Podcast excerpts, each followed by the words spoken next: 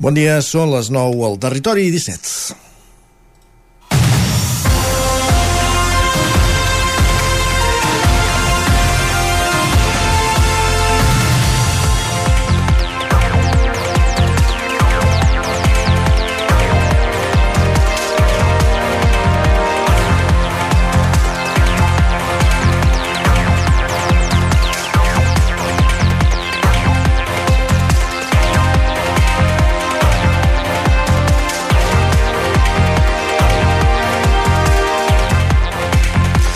És dilluns i comencem setmana després d'un cap de setmana que no ha estat fàcil, en el que les paraules tragèdia i impotència se succeïen en bucle. Dissabte es coneixia la mort a Torelló de Ramon Blanc, un veí del poble de 84 anys després d'una baralla amb el seu fill, que ja ha estat detingut per la seva vinculació amb els fets. Consternació és la paraula quan t'assabentes d'una mort tràgica d'algú que formava part del paisatge del poble, conegut per veure'l vendre xurros a les festes més significades rere el taulell ambulant del seu gendre, o en el seu moment per estripar entrades a la porta del Teatre Sirvianum. I ens preguntem com la condició humana pot arribar a aquests extrems, d'agredir violentament i física una persona gran fins a arribar al desenllaç fatal. Quan la policia portava al domicili el detingut per reconstruir els fets, diumenge al matí arribava una altra mala notícia. La mort després d'un accident en parapent o a la Delta, encara no hem esclarit, no ho hem esclarit, però al final és el de menys, de Joan Conill, fill també de Torelló i ara veí de Sant Pere.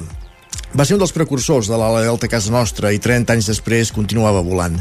De l'accident, expliquen, en va sortir amb ferides de poca gravetat, però la situació es va complicar hores després per acabar amb el fatal desenllaç. Avui a la Vall del Gès es desperta tenyida de dol i des d'aquí només podem enviar una abraçada de condol als més propers a les víctimes. És dilluns, 23 d'octubre de 2023 i comença el Territori 17.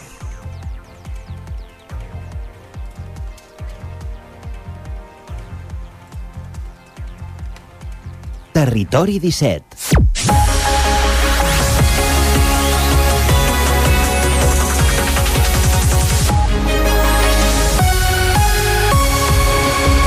El territori 17, el magazín de les comarques del Vallès Oriental, l'Osona, el Ripollès, el Moianès i el Lluçanès, que us fa companyia cada matí a la sintonia d'Ona Codinenca, Ràdio Cardedeu, la veu de Sant Joan, Ràdio Vic, el 9 FM, i que ens podeu veure també a través de Twitch, YouTube, el 9 TV, Televisió de Cardedeu i la xarxa més, que us farà companyia des d'ara fins les 11, durant dues hores. De quina manera, amb quins continguts?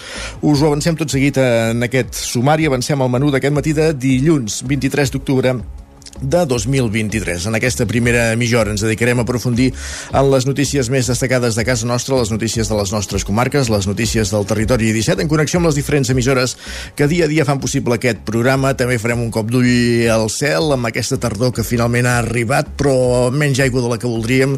En parlem amb Pep Acosta, amb el nostre home del temps, a partir d'un quart de 10 del matí. I després anirem fins al quiosc amb la Clàudia Dinarès per repassar quines són les portades dels diaris del dia d'aquest matí de dilluns a partir de dos quarts de deu pugem al tren a la Trenc d'Alba amb l'Isaac Muntades recollint les cròniques dels oferts usuaris de la línia de tren, la Barcelona, Granollers, Vic, Ripoll, Puigcerdà, aquests dies afectades per un tall per les obres de desdoblament entre Parets i la Garriga, però amb els oferts usuaris vivint de tot, tot tipus d'incidències, eh, transports alternatius o, o com sigui. Uh, acte seguit a l'entrevista. Avui recuperem l'entrevista que us vam anunciar dijous amb el càmera codinenc David Casas, càmera que està desplaçat aquests dies a Jerusalem per cobrir el conflicte israelo-palestí. Roger Rams ha aconseguit parlar amb ell i avui escoltarem, uh, reproduirem aquesta entrevista. I acte seguit conversarem amb un dels protagonistes d'un altre dels fets de dijous. Dijous al vespre a Vic s'hi lliurava la quarta edició dels Premis d'Emprenedoria Rural que convoquen el BBVA Caixa, Casa Tarradellas Quintanes i la Fundació Antiga Caixa Manlleu i a més del premi principal que se'n va anar cap a Solsona es va reconèixer amb dos exèrcits dues iniciatives de la comarca d'Osona, Sant Bucus i el Mas Les Gambires.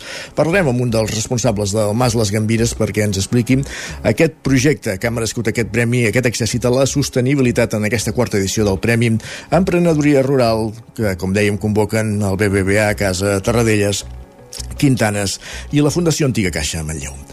Al punt de les 10 notícies, la previsió del temps i com cada dilluns repassarem esportivament el que ha donat el cap de setmana per de, donar pas a Twitter a partir de dos quarts d'onze i acabar amb la tertúlia esportiva amb els tertulians habituals de cada dilluns i després d'una jornada que ens ha deixat marcadors com el Barça 1, Atlètic 0, Sevilla 1, Madrid 1 i Girona 5, Almeria 2. També ha jugat l'Espanyol a segona, Espanyol 0, Leganés 1 i aquesta, i aquesta classificació apretada al capdamunt de la Lliga de Primera, amb el Madrid i el Girona empatats a 25 punts i el Barça a un sol punt, a, a 24.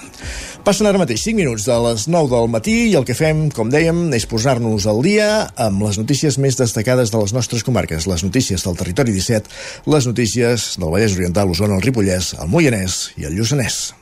Territori 17.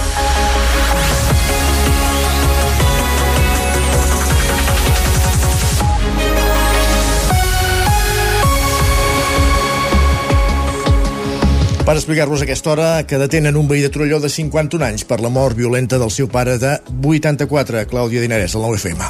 Consternació a Torelló després del cas que aquest cap de setmana ha posat el poble al centre de l'atenció mediàtica amb la detenció d'un veí de 51 anys per estar presumptament relacionat amb la mort violenta del seu pare, Ramon Blanc, de 84 anys, també veí del poble. L'alarma la van donar els professionals de l'Hospital Universitari de Vic, on la víctima va ingressar a mitja setmana amb cops i lesions que feien pensar pensar que havia patit una agressió. Finalment, va acabar morint al centre sanitari i els Mossos d'Esquadra detenien dissabte un dels seus fills. Aquest diumenge, l'arrestat continuava a comissaria a l'espera de passar a disposició judicial. Fons veïnals de la casa on viu la família al carrer Balmes de Torelló expliquen que el detingut era una persona de perfil conflictiu i que es movia en ambients poc sants i lamenten que la situació hagi tingut aquest desenllaç. Més quan, segons diuen, el cas era conegut per l'administració i també pels serveis socials. Blanc, per la seva banda, estava jubilat, però el seu dia va ser una de les cares de la xurreria A. Ramos, un negoci de la Vall del Gès amb origen al 1940. Segons ha pogut saber el 9-9, van ser justament altres familiars qui es van trobar l'home de 84 anys mal ferit a casa.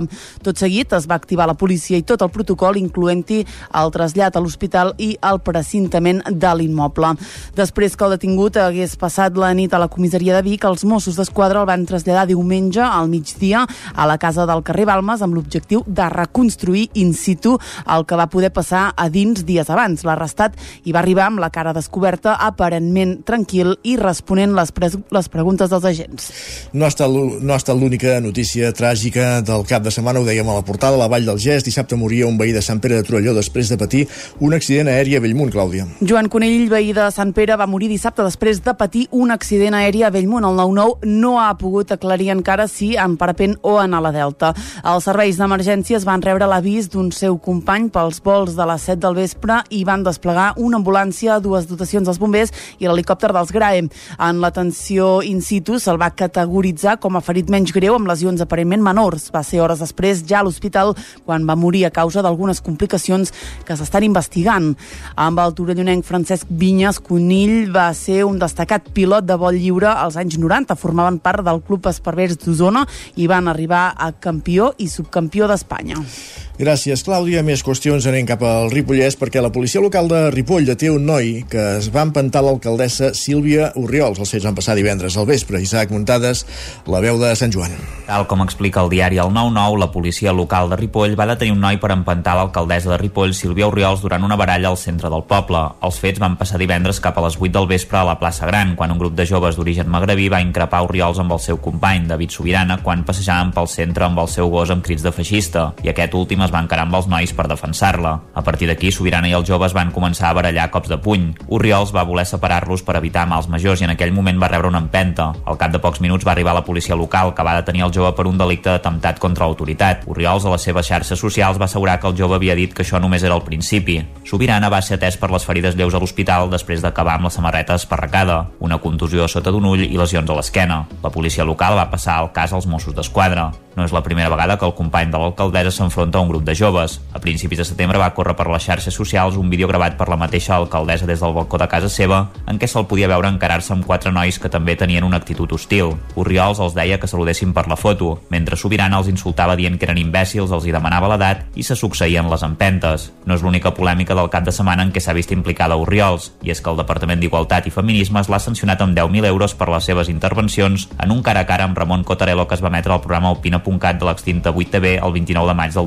2022. Arran de les declaracions que va fer, la Conselleria creu que va emetre eslògans, anuncis publicitaris, missatges públics o declaracions públiques que comportaven una discriminació envers una persona o el grup al qual pertany. 10 minuts que passen de les 9, més qüestions. El Suïcidi centra la tercera edició de les jornades interdisciplinàries de salut mental a la Catalunya Central que s'han celebrat a Vic, Clàudia. 32 és el nombre total de persones de la Catalunya central que s'han suïcidat en el que portem d'any. Una dada preocupant extreta del registre intern del Servei d'Emergències Mèdiques que s'aproxima molt al nombre de suïcidis que van registrar-se durant tot l'any 2022, 35. Els reptes i els desafiaments del suïcidi van centrar la tercera edició de les jornades interdisciplinàries de salut mental a la Catalunya central que es desplegà divendres a Vic. Un acte que va reunir més de 200 persones entre especialistes de la salut mental mental, personal d'emergències mèdiques o de l'atenció primària, agents dels Mossos d'Esquadra o professionals també vinculats al món de l'ensenyament. Tots ells formen part d'una xarxa clau per detectar i prevenir situacions de risc suïcida, situacions que més enllà de detectar i prevenir el Consorci Hospitalari de Vic també vol poder predir. En aquest sentit, Osona treballa en un projecte de recerca que ha de permetre crear un model predictiu de la conducta suïcida. Ho explicava la directora de Salut Mental del Consorci Hospitalari de Vic, Il·luminada Corripio. Nosaltres eh, tenim un, una base de dades de més de 10 anys amb dades clíniques molt rellevants de totes les persones que han fet un intent o han fet una conducta suïcida. A partir d'aquí, amb un projecte eh, de recerca, eh, aplicarem eines d'intel·ligència artificial per tal de crear perfils i probabilitats de que una persona que ha fet un intent pugui replicar aquesta conducta i fins i tot doncs, acabar consumant el suïcidi. Qui també va participar en la jornada, en aquest cas parlant del suïcidi en l'adolescència, va ser Anaïs Lara, psicòloga infantil.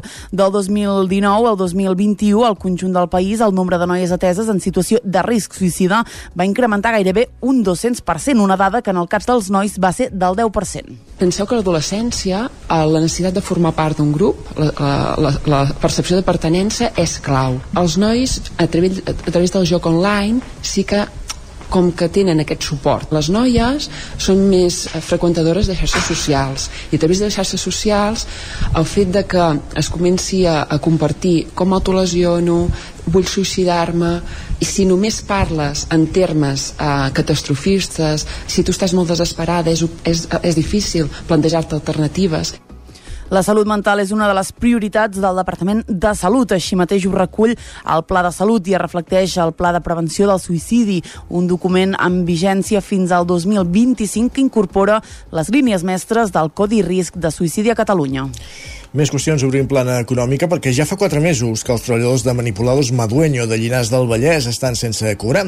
Davant d'això, el sindicat CNT ha demanat una reunió amb l'alcalde per no perpetrar més la, el, perpetuar més el conflicte i han reiniciat les mobilitzacions de protesta. Enric Rubio, Ràdio i Televisió, Cardedeu. Hola, bon dia, Isaac. Així és, es tracta d'una petita empresa de Llinars del Vallès que es dedica a l'emballatge final de la producció del grup Intermas, una gran empresa dedicada a la fabricació de productes plàstics ubicada des de fa anys al municipi. A principis de maig, les treballadores d'aquesta van activar mobilitzacions i protestes per respondre als endarreriments en les nòmines i a la manca de mesures de seguretat i salut laboral. Les accions es van aturar al juny, quan les treballadores per fi van percebre part dels salaris endarrerits. No obstant això, des del sindicat de la CNT han fet saber que a dia d'avui tornen a acumular quatre mesos d'endarreriments en el cobrament de les nòmines i que l'empresa pretén que el seu personal segueixi treballant. Per aquesta raó han iniciat de nou les mobilitzacions, començant per una concentració de, protest, de protesta que va tenir lloc a principis de mes davant del centre de treball. El sindicat ha explicat que el grup Intermas s'ha endut part de la maquinària de l'empresa i continua entrant a les instal·lacions de Manipulados Madueño cada dia a retirar material, fet pel qual consideren evident la convivència entre el client grup Intermas i Madueño en la situació que pateix la plantilla. Amb l'objectiu de poder trobar una solució al conflicte i a la difícil i precària situació de les treballadores, la CNT del Vallès Oriental ha demanat una reunió amb Martí Pujol, alcalde del municipi, i va fer constar aquest divendres que encara no havien obtingut cap resposta. Gràcies, Enric. Més qüestions. Encara el Vallès Oriental, Caldes de Montbui s'ha convertit aquest dissabte en la capital mundial de la kombucha, acollint els Kombucha World Awards. Roger Ram, zona codinenca. Bon dia. Exactament, el Casino de Caldes de Montbui ha acollit aquest dissabte la cerimònia d'entrega de premis del primer concurs mundials de kombucha, els Kombucha World Awards, impulsats per un productor calderí, Jordi Canet, i que han aplegat productors vinguts de tot el planeta, des de diversos països europeus, com també el Japó, Taiwan, Dubai o els Estats Units. El jurat, format per un membre de cada continent, ha premiat les millors begudes, així com les més ecològiques o les més innovadores en diverses categories. Un dels encarregats d'entregar els guardons ha estat l'alcalde de Caldes de Montbui, Isidre Pineda, que s'ha mostrat orgullós d'acollir aquest certamen. És extraordinari que Caldes de Montbui sigui a dia d'avui la capital mundial de la kombucha. em sembla increïble. Enhorabona a tots els organitzadors per haver convertit Caldes en part de la història de la kombucha. En aquesta primera edició dels Premis Mundials de la Kombucha hi han participat un total de 150 empreses i petits productors repartits en 22 països diferents. Agafant l'èxit d'aquesta edició, l'organització ja pensa en un futur ampliar aquestes jornades per tal de traure més productors i consolidar Caldes de Montbui com la capital mundial d'aquesta singular beguda. Per cert, per qui no ho conegui, la kombucha és una beguda d'origen asiàtic elaborada a partir de te verd fermentat de verdures fermentades. Gràcies, eh, Roger. Parlem més tard. Fins ara. Més qüestions. El cor de la parròquia de Montserrat de Torelló inicia un cicle de concerts per celebrar el seu 40è aniversari, Clàudia Dinarès. La celebració s'allargarà fins a l'octubre de l'any que ve amb propostes com el concert de Nadal, un concert intercultural, el concert de Sant Jordi i una activitat de percussió corporal que ha estat la directora del cor durant 32 anys, Dolors Masferrer, ha volgut destacar que la música ha sigut l'excusa perfecta per unir aquesta vintena de persones que després de tant temps ja es consideren amics. Home, doncs aquests 40 anys ha sigut eh, bueno, no sempre ha sigut tot flors i violes, però sí que ha sigut molt maco perquè ha, ha sigut un grup doncs, que també ens hem fet amics i a part d'això, bueno, la nostàlgia dels que ja han passat que ja no hi són, però sempre doncs, ha sigut un grup doncs, amb ganes de cantar, de fer-ho millor, de cada vegada molt participat. La cirereta de la celebració serà un concert al Teatre Sirvianum de Torelló l'octubre vinent amb les corals Servià i Gès en què interpretaran la història de Catalunya en cançons, la versió de 2014 d'Antoni Ros Marbà. I encara a Torelló i en l'àmbit musical, l'Escola de Música inicia el segon curs en què la gestió de l'equipament es fa de forma directa des de l'Ajuntament i ha quadriplicat, ho diríem bé, el nombre d'alumnes. Doncs sí, l'any passat, recorden, des del centre van començar amb una quinzena, van acabar amb una trentena, una reducció important respecte al curs anterior, quan la gestió de l'equipament estava externalitzada. Dani Medina, director del centre, ho atribuïa al fet que els processos administratius del canvi de model van fer començar el curs tard i la gent que volia fer música havia trobat altres alternatives. Ara tenen uns 65 alumnes als quals s'hi sumen altres projectes que porten a terme amb gent gran fora de l'escola, de manera que freguen ja la vuitantena. Sònia Anton, professora del centre, també destaca el model d'aprenentatge al centre en què entenen el treball en grup, gran, mitjà o petit en funció del que treballin, que aprendre en comunitat és necessari i és la forma més natural. L'escola preveu d'aquí dos cursos traslladar-se a les noves instal·lacions del club. Gràcies, Clàudia. Acabem aquí aquest repàs informatiu que començàvem al punt de les 9 en companyia de Clàudia Dinarès, Isaac Montades, Roger Rams i Enric Rubio. És moment al territori 17 d'escoltar la previsió del temps. Per tant, quan passen 18 minuts de les 9 del matí, tornem fins a una codinenca, allà ens hi espera ara en Pep Acosta.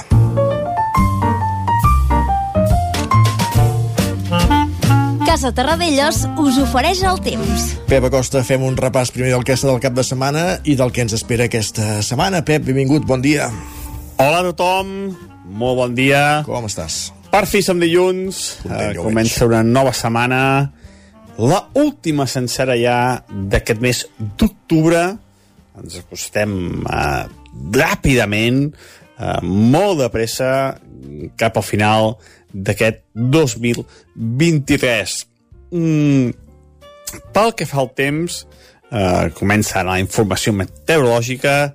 Eh, moltes coses a dir moltes coses a dir perquè mm, ara mateix ens està afectant eh, una pertorbació, la pertorbació Bernard, han posat nom a aquesta pertorbació, eh, recordeu que es posa nom a les pertorbacions eh, quan han de ser molt importants, quan, de, quan poden causar algun tipus de dany, diguem, a, a, a la població, ho posen perquè la, la gent estigui més al cas, eh? la gent estigui eh, més al cas d'aquesta situació meteorològica pot ser una mica complicada. Però bé, aquesta perturbació, la Bernard, ens, ens passa uh, una mica cap a, cap a l'oest. Uh, passa cap a l'oest de la península ibèrica i també cap a l'oest de Catalunya. A les comarques ben poca cosa farà. Primers mapes uh, del cap de setmana uh, deien que aquesta perturbació, perturbació ens afectaria bastant, però jo ja vaig veure que ben poca cosa passaria i és el que ha acabat passant. El cap de setmana, eh, poca pluja, i això sí, un ambient de tardor. De tardor, les temperatures mínimes han baixat, sobretot les mínimes, s'ha notat molt aquesta baixada de les mínimes, i ha estat un cap de setmana bastant tranquil, bastant assolellat i amb molt, molt poca pluja. I aquesta nit, aquesta perturbació, la Bernat, com deia abans, ha provocat una pujada, una pujada de les temperatures mínimes, una pujada molt notable, i eh, pluja, però cap a l'oest de Catalunya. A casa nostra, ben poca cosa. Mm, les temperatures mínimes, per què han pujat? Doncs perquè hi ha hagut eh, aquesta entrada de vents de sud eh, que ha fet, que ha fet disparar, disparar literalment la temperatura mínima. I també la màxima. Avui serà un dia dominat eh, pels núvols eh, més aviat prims, eh, poca nuvolositat, eh, bastant de sol i aquest vent de sud, eh, vent de sud eh, que ja ha bufat amb cops de més de 80-90 km per hora cap a la zona del Pirineu, eh, també Montseny, eh, també Guilleries, aquest vent fort eh, que ens afectarà el dia d'avui. I com deia, eh, més sol que núvols, poca nuvolositat, i mica en mica s'aniran tancant fins i tot aquests núvols que, que hi ha ara a primera hora, perquè aquesta perturbació passarà ben, ben de pressa. Les temperatures màximes també una mica més altes. Uh, moltes temperatures màximes entre els 18 i els 24-25 graus. Al migdia s'estarà força, força bé. I de cara, faig un petit avançament de tota la setmana, eh, no es preveu cap gran pertorbació, eh, potser podem tenir un dia petites precipitacions que són al Pirineu, però no es veu ni de bon tros eh, cap llevantada ni cap situació de pluges generals i les temperatures sempre una mica per sobre del que seria habitual. Però bueno, ja anirem concretant, anirem parlant dia rere dia. Moltes gràcies, adeu. Gràcies a tu, bé. Parlem d'aquí una estoneta. Nosaltres avancem al territori 17. És moment d'anar cap al quiosc. Casa Tarradellas us ha ofert aquest espai. 7 minuts i mig perquè siguin dos quarts de 10 del matí.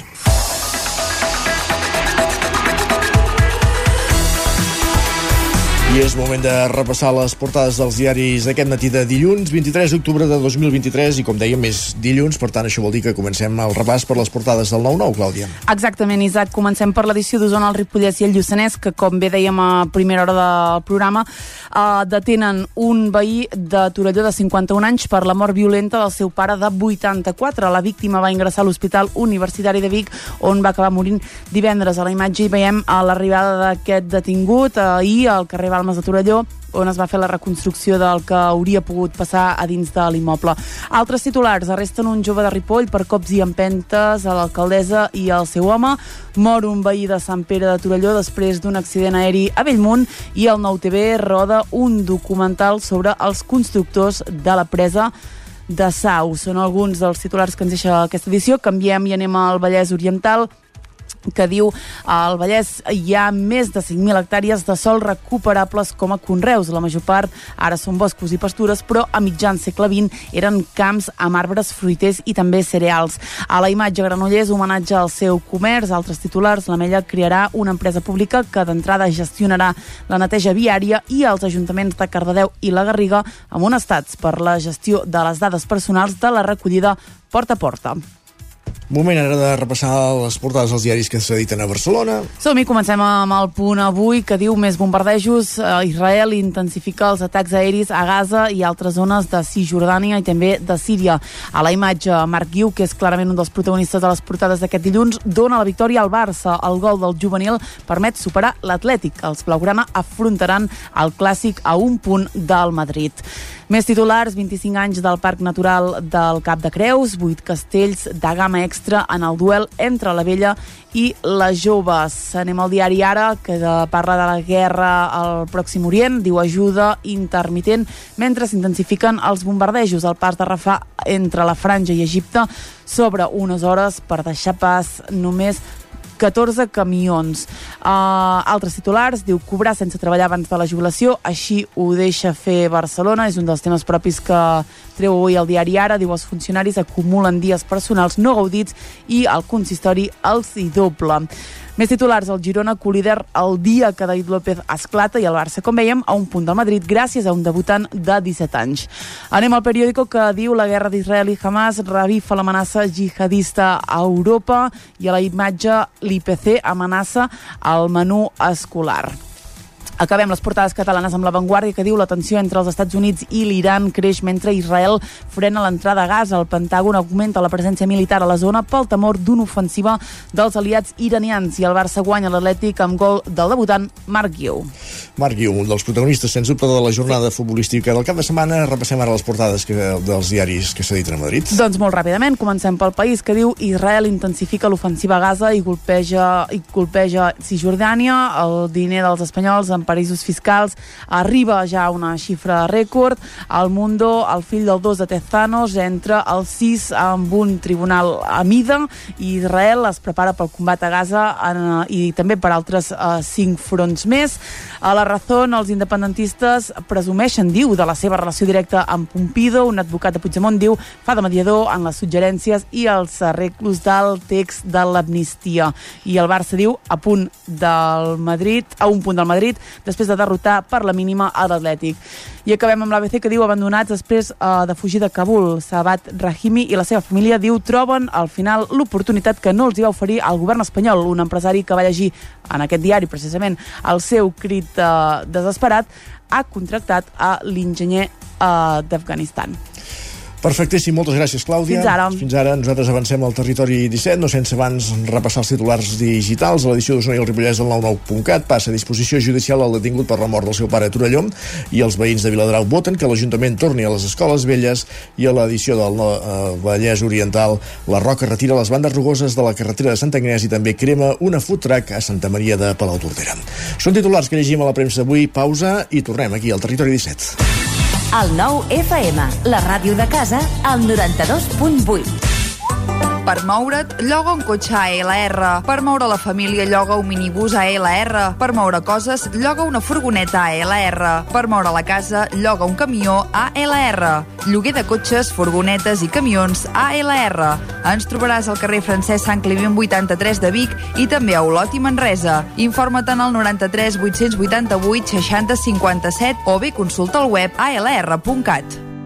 Quan tingui un problema amb la seva caldera, vagi directament a la solució. Truqui sempre al servei tècnic oficial de Saunier Duval i despreocupis, perquè som fabricants i coneixem les nostres calderes peça a peça. I ara aconseguiu fins a 300 euros en canviar la caldera. Informeu-vos al 910 77 10 50 o a saunierduval.es. El cor del Montseny torna a fer olor de castanyes. El 28 i 29 d'octubre arriba la 28a Fira de la Castanya de Viladrau. Vine a tastar les castanyes torrades o a participar als tallers i tas de cuina amb la castanya de Viladrau. També podràs conèixer productes de quilòmetre zero elaborats a Viladrau o participar a les sortides guiades pels voltants del poble. Tot animat amb espectacles familiars i música pels carrers. El 28 i 29 d'octubre Amb Pradell estalvio energia i cuido la meva butxaca i el medi ambient. Posa't en mans a Pradell, són experts en calderes de gas i condensació, estufes de pèl·let, energia solar, terres radiants i geotèrmia. Pradell instal·la calderes de biomassa per a particulars i per a empreses. Si vols estalviar un 50% en consum, contacta amb Pradell i passa't a les energies renovables. Pradell, som a l'Avinguda Països Catalans 27 de Vic. Telèfon 93 885 1197. Pradell.cat. La qualitat de les teves impressions és important per tu? Estàs cansat que els colors i les imatges no surtin com t'esperes? A Impremta Mater disposem de la tecnologia més avançada i els millors professionals per aconseguir impressions d'alta qualitat. Fem tota classe d'impresos amb acabats professionals. Llibres, catàlegs, revistes, tesis, calendaris, enquadernacions... I, a més, disposem del servei d'impressió digital en gran format. Roll-ups, lones, pòsters i molt més. Impremta Mater. Ens trobaràs a la carretera de Sant Hipòlit 23 de Vic o impremtamater.com. L'infopodcast del 9-9 amb Sílvia Pedret. Cada dia et donem les claus de les notícies més rellevants de casa nostra. Vivim en una comarca que s'està demostrant pionera. Doncs... Desperta't cada dia amb l'infopodcast del 9-9. Aquesta setmana tornen a ser notícia els pantans perquè han baixat... El trobaràs a dos quarts de vuit del matí al 99.cat, Spotify, iVox i, si ho vols, te l'enviem directament al mòbil. Subscriu-te als canals de WhatsApp i Telegram del 99. Soc Sílvia Pedret. Comencem. El 9 FM, el 9 FM, el 9 FM, el 9 FM. Territori 17.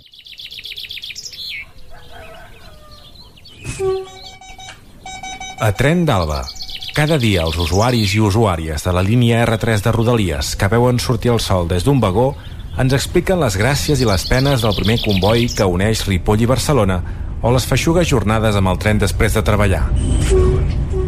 Benvinguts a Tren d'Alba. Divendres la gent del col·lectiu Perquè no ens fotin el tren deia a la xarxa social X que la cua a la Sagrera per agafar l'E12 cap a Vic era estratosfèrica, però diuen que era d'esperar perquè molta gent torna d'Osona els divendres al migdia i es queixaven a Rodalies i al Departament de Territori que quan demanaven que l'inici dels directes entre Barcelona i Centella s'avancés abans de les 4 de la tarda no eren va. També explicaven que un tren cap a Ripoll va estar parat 8 minuts a Centelles esperant un encreuament, però no va esperar 3 minuts més per no deixar tirar tot un grup de gent que venien més d'un autobús directe des de Mollet i el següent tren era al cap d'una hora. En Jordi Valls també ens explica què cal afinar. Bon dia, sóc en Jordi. Ostres, de les 6 i arribar a Sagrera a les 6.45 amb el bus. Tela. Ostres, això està molt bé. El que no està tan bé és la traçabilitat que hi ha eh, si fem tren, bus a Mollet, fins a Centelles i després tren. S'hauria de fer algun sistema perquè tothom sabés quan surt de Barcelona a quina hora arribarà a Vic, aproximadament. Com dic Vic, dic Balanyà, Tona i Ceba, que no tenen E12, dic Hostalets, que no tenen E12, o dic Manlleu, hauríem de tenir-ho clar. Pensem en una cosa, hi ha gent que si va a Ribes de Freser, si perd el tren perquè no s'espera, el millor han d'esperar dues hores i mitja, tres, o es queden sense servei. Ostres, això hauríem d'afinar-ho. Després d'una setmana són coses que s'han d'afinar. Ja dic, els busos directes, almenys per la gent de Centelles, força bé. Puntuals, ràpids, eh, omplen, però el tema de la traçabilitat per gent de més amunt s'hauria d'afinar. Això és una feina que s'ha d'afinar eh, bastant. Però de més correcte. Eh, demà us explicaré abans l'aventura de dissabte amb l'E12 de quedar-se 20 persones amb l'autobús de dissabte eh, tirades a Barcelona perquè no hi havia més autobús. Això és responsable a Can Segalés, però responsable a la Generalitat de Catalunya, que és concessió de la Xene. Potser que es comencin a posar una miqueta les piles, eh?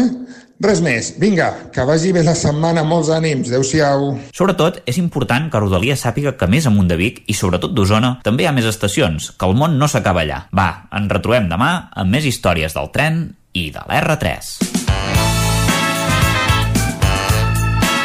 Territori 17.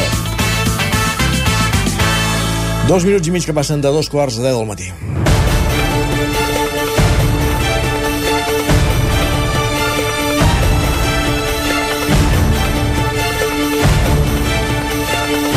Entre els periodistes desplaçats aquests dies a, a Jerusalem per cobrir la, el conflicte armat entre Israel i Palestina hi ha uh, l'operador de càmera de Sant Feliu de Codines, David Casas, uh, que forma part d'un equip de TV3. Amb ell ja ha conversat el nostre company d'Ona Codinenca Roger Rams. Tot seguit recuperem aquesta entrevista aquí al Territori 17. Avui ens acompanya en David Casas, ell és veí de Sant Feliu de Codines, que es troba en aquests moments a Israel, després de l'esclat del conflicte. Ell està fent de càmera de televisió, acompanyant un dels equips de TV3 desplaçats sobre el terreny. En el seu cas concret es troba amb el periodista Xesco Reverter, que està explicant el que passa a la ciutat de Jerusalem i també a les seves rodalies. David, què tal? Molt bé, bon dia a tots. Com, com estàs visquent aquests dies aquí a, a Israel? Bé, doncs tenim una mica de tot. Hi ha dies que estem a Jerusalem a la delegació per fer els directes, que són dies tranquils, i hi ha dies que, que hem d'anar cap a més a prop del front, llavors la cosa es complica, perquè els primers dies pues, cada, cada 10 minuts teníem alarmes de coets, teníem... es feia complicat treballar. Mm -hmm. I després també hem estat a, a Cisjordània, a Ramala, el divendres, i bueno, vam, allà vam tenir una manifestació bastant important, i, ja et dic, una mica de tot. Uh -huh. Quina és la, la situació en el lloc on us trobeu ara mateix? Bé, a Jerusalem la situació és bastant tranquil·la. De tant en tant sona alguna alarma, molt de tant en tant, i hi ha alguna explosió de coets, però la veritat és que, és que la, la, la vida aquí és bastant tranquil·la. El que sí es nota és que la ciutat està molt morta. Mm. No hi ha turistes, eh, molts, molts negocis estan tancats, la ciutat està molt parada, també en part perquè eh, molts treballadors venen de Cisjordània, de la part del West Bank, i ara pues, tenen por de venir o no venen, llavors eh, els negocis es troben que els negocis es troben que no tenen treballadors. Uh -huh. A part de que hi han quasi 370.000 reservistes, això vol dir que molta gent que treballa ara mateix està pues, al front, estan actes cap a Gaza, nosaltres fa dos dies vam estar a la frontera de Gaza, vam estar a la frontera de la Gaza i allà hi ha una concentració de, de, de material militar i de soldats que la veritat és que és impressionant. Uh -huh. Per tant, uh, la situació aquí a Israel, com s'està visquent aquest conflicte, uh, ho definiries així, eh? que de moment la vida està molt, molt morta, almenys a la ciutat, i... però, però sense més, no?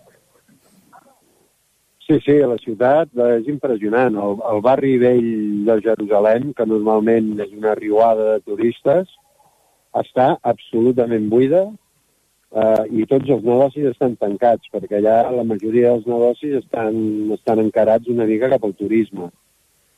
I la veritat és que és impressionant perquè està, és com si, com si estiguéssim una mica en temps de Covid. Tot tancat, eh, carrers buits, i de tant en tant passa gent, i el que hi ha a Jerusalem, a tot Jerusalem, és molta presència eh, militar i, i policial. I aquí hi ha, hi ha una quantitat de policia i de ciutat i de soldats tot el dia patrullant pel carrer eh, impressionant, vaja. Hmm. Per tant, eh, aquesta situació que, que ens comentaves que, que recorda la pandèmia, suposo que també aquesta zona és, és força turística i, i per tant també doncs, s'haurà doncs, notat. Sí, sí, eh, aquí la gent, eh, la gent que viu del turisme, vaja, estan, estan decaiguts i desesperats perquè veuen que, que això anirà tan llarg de fet, l'altre dia vam estar al barri vell, al barri musulmà, i només vam veure un grup de turistes. Mm. Tot, tot l'altre era gent del país i era...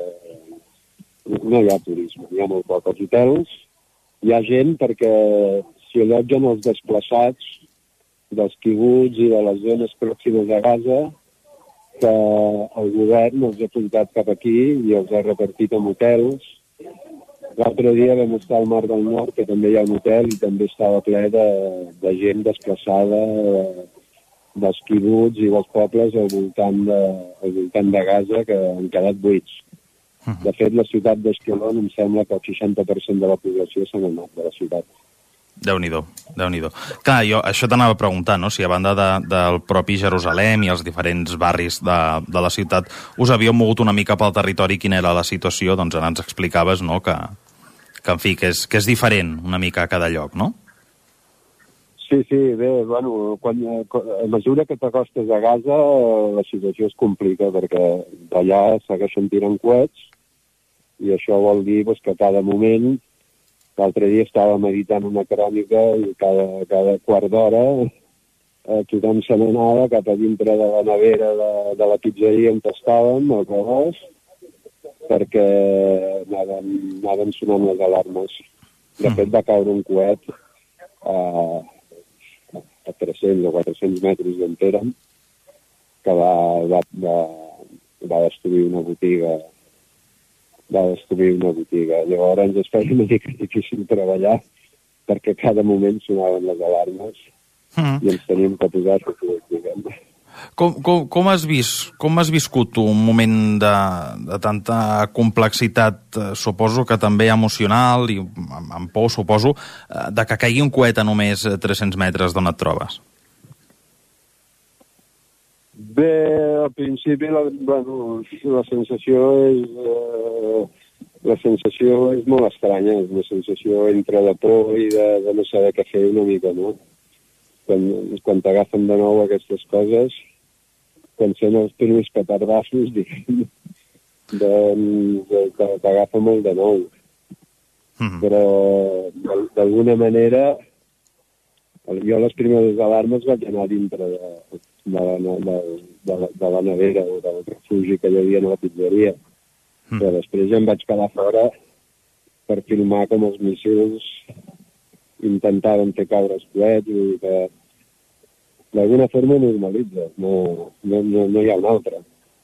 Déu-n'hi-do, déu nhi déu Clar, eh, suposo que, que comentaves ara, per exemple, aquesta pizzeria que feia servir la, la cambra frigorífica com a una espècie de refugi improvisat. No sé si això també ho estàs veient o ho has vist en altres àmbits, és a dir, que s'estan creant aquests refugis, no?, la, la població civil, per, per quan eh, hi ha aquesta amenaça d'atac. Sí, sí, això, bueno, aquí és norma, aquí la gent ho té normalitzat. Quan sonen les alarmes, doncs van al primer lloc on te troben per, per, per, per seguretat i tots els, els pisos, la delegació on tenim, eh, tenen, tenen refugis. Això vol dir que tu, si sona l'alarma, surts al pis i en els passadissos hi ha una habitació on allà es posa la gent i es tanca.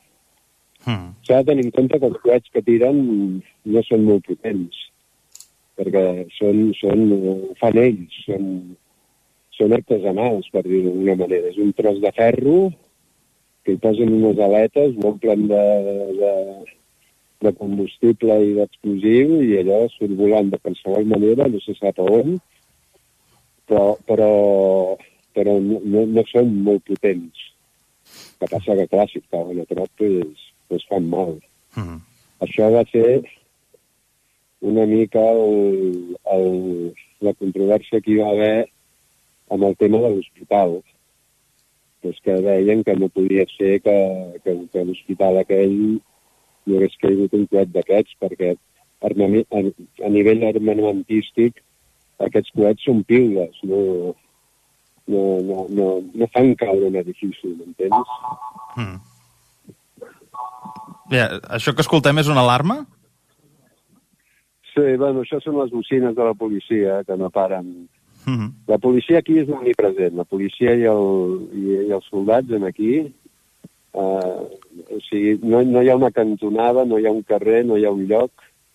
Van en motos, amb dos policies a sobre la moto, van a cavall... Dir, això és, és omnipresent. Els veus per tot arreu. No, no hi ha un racó de Jerusalem suposo que al barri musulmà menys, però no, no hi ha un racó de Jerusalem que no hi hagi una pila de policies i, i, i de soldats. Déu-n'hi-do. déu nhi David, explica'ns una mica, ja per tancar, com és el moment en què et diuen que deixes Sant Feliu de Codines i, i te'n vas cap a Israel. Bé, pues, estava a la redacció i em van venir a preguntar si, si podia anar-me'n. Vam tenir molts problemes perquè perquè no volaven avions, no venien bitllets, i al moment que m'ho diuen, pues, bueno, tu penses una estona, però, però al final algú hi ha d'anar, algú té que fer imatges, algú té que fer les connexions en directe, algú té que fer... També professionalment és una cosa que jo no havia fet mai, no en una situació de conflicte, i, i bé, és vaig dir que no m'importava venir i que, i que, vaja, el que fos. També, Això sabia que no, que no venia a la zona de conflicte en si. A Gaza és impossible entrar-hi ara. Eh, els mitjans que hi ha a Gaza són mitjans locals. Uh -huh. No hi ha cap mitjà internacional, diguem. Hi ha, hi ha periodistes locals que treballen per les altres cadenes, però, però a Gaza ara és absolutament impossible entrar-hi. Uh -huh. I, I com és una mica el dia a dia per la premsa que esteu desplaçats aquí a, a diguem, a, a peu de terreny? Bé, aquí de B3 som dos equips, la Roser, eh, la Roser que és la, la corresponsal, i després estem el Xesco i jo. Llavors fem un dia cada un per descansar una mica. Un dia un està a la delegació per fer els directes i l'altre va, fer, va fer imatges sobre el terreny. I això ens anem tornant. Això fa que, bueno, que hi hagi dies més relaxats i hi hagi dies més moguts, però si, si anéssim cada dia sobre el terreny, la veritat és que seria una mica agotador. Mm -hmm. Llavors ens ho, així, ens, ens, ho, ens ho tornem i així no és tan dur. Una mica quin és el nombre de, de catalans que estan treballant aquí on, on us trobeu vosaltres? És a dir, sou els únics o, o n'hi ha més? Bé, érem els únics, va venir durant uns dies el Toni Cruanyes, hi ha els de la ràdio també. Bé, ara hi va haver un moment que devien ser una dotzena de persones ben bones, uh -huh. perquè també hi ha gent de producció, hi ha, hi ha, sí, hi va haver, hi va haver uns dies que ben bé érem 12 o 15 aquí. Suposo que és... Que és... Ara, només quedem, ara només quedem dos equips, que són, pues, això, sis persones. Mm -hmm. Sis no. persones, pues, això, que cobrint. També ara la cosa està calmada. Estem, tothom està esperant que hi hagi, que, que entri l'exèrcit a Gaza, que, que tothom es pensava que seria ja imminent de fa dies, i, bueno, tot això s'ha anat retrasant, i ara s'ha anat complicant doncs, amb el tema del bombardeig a l'hospital, tot això, doncs, fa, suposo, imagino que el govern israelià estigui més calt de cara a la imatge que dona a nivell internacional. Mm. No, volia preguntar-te si eh, com, com és d'important eh, aquesta sensació de sentir-te acompanyat, de sentir-te en comunicat, amb, amb comunitat, amb una situació com, com la que s'està visquent aquí a, a Israel. Home, sí, sí. Eh, ara, són equips de treball i són equips que tu que d'alguna manera pues, has de conviure i, i, i t'has de portar bé, diguem, amb tothom i has de, vaja, tens que, tens que ser molt empàtic i molt, entens? Només faltaria que una situació així de conflicte i, i, i de mal rotllo que hi ha aquí, diguéssim, hi hagués més mal rotllo dintre de l'equip. Llavors eh, s'ha de fer un exercici pues, això d'empatia i de, i d'aguantar el que sigui, doncs, saps? Uh -huh. Eh, T'acomiadem ja, David. Eh, finalment, eh, tens previst quan, quan tornaràs a, a, a casa teva? Bé, en principi el 24. Si no, si no passés res, jo en principi tornaria el 24. Jo, jo no sé si, si el Xesco es quedarà fins al 30, però jo en principi tornaria el 24. Doncs David Casas, càmera de televisió i veí de Sant Feliu de Codines, gràcies per apropar-nos avui al teu testimoni des de, de Jerusalem, des d'Israel, amb la, aquesta connexió que hem pogut eh, establir amb tu i en la que ens has pogut explicar com és el dia a dia i com ho estàs visquent tu personalment i professionalment. Gràcies per atendre'ns els micròfons d'Ona Codinenca i seguim en contacte. Molt bé, gràcies a vosaltres i una salutació a tots els oients d'una comunitat. Perfecte, David, moltes gràcies i bon viatge de tornada, que vagi molt bé.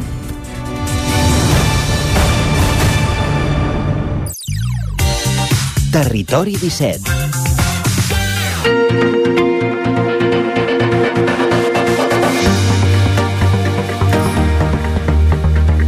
Dijous es lliuraven a Vic els premis de la quarta edició del Premi Emprenedoria Rural que convoquen Quintanes, Casa Tarradellas, el BBVA i la Fundació Antiga Caixa Manlleu. El premi principal va recaure sobre una granja, una empresa de Solsona, de pagès, que es dediquen a la cria i producció de carn de porc ecològic, però en aquest premi també es lliuren fins a tres accèssits, dos dels quals van recaure a la comarca d'Osona, i un en concret pel Mas Les Gambires de Torelló. Tenim al telèfon un dels seus responsables, que és en Josep Llach. Benvingut, Josep, bon dia. Hola, bon dia. Primer de tot, eh, enhorabona per aquest accèssit d'aquest quart Premi Emprenedoria Rural. Moltes gràcies, estem molt contents, la veritat. Uh, perquè és important premis com aquests, en el, en el vostre cas, d'un projecte de continuïtat d'una explotació familiar, però que conjuntament amb el teu germà, amb en Quico Llach, doncs li heu donat una, una nova dimensió, heu replantejat tot el projecte amb la idea de, de, de tenir una explotació sostenible i, eh, i adequada a, a les hectàrees, al terreny que, que ocupen, diguéssim, i acabar fent venda directa de tots els animals que hi treballeu. Uh, tal com explicaves di, dijous a l'hora de recollir el premi, tot parteix, però, de, de la terra. Explica'ns tot aquest concepte. Sí, aviam, per fer primer una mica d'història, nosaltres a casa venim de pagès de, de tota la vida, és a dir, la, a, som, és a dir, que si encara estem fent de pagès vol dir que fa centenars d'anys que fem de pagès la nostra família. Llavors, al moment que tant el meu germà i jo vam acabar els estudis, ens en vam anar, vam decidir que, bueno, fer de pagès ja era maco, era el que volíem fer, però que havíem de veure món. I ens vam anar a treballar tots dos fora de casa. Ens vam donar compte, però, que part dels nostres sous que guanyàvem fora de casa els havíem de portar cap a l'explotació agrària perquè la cosa era inviable. Al final el sector està realment malament, eh, cada dia, cada cop queden menys explotacions, i ens vam donar compte de que les coses no anaven bé. Llavors vam pensar que si nosaltres volíem fer de pagès hi havíem d'apostar del tot i que no podia ser mitges tintes.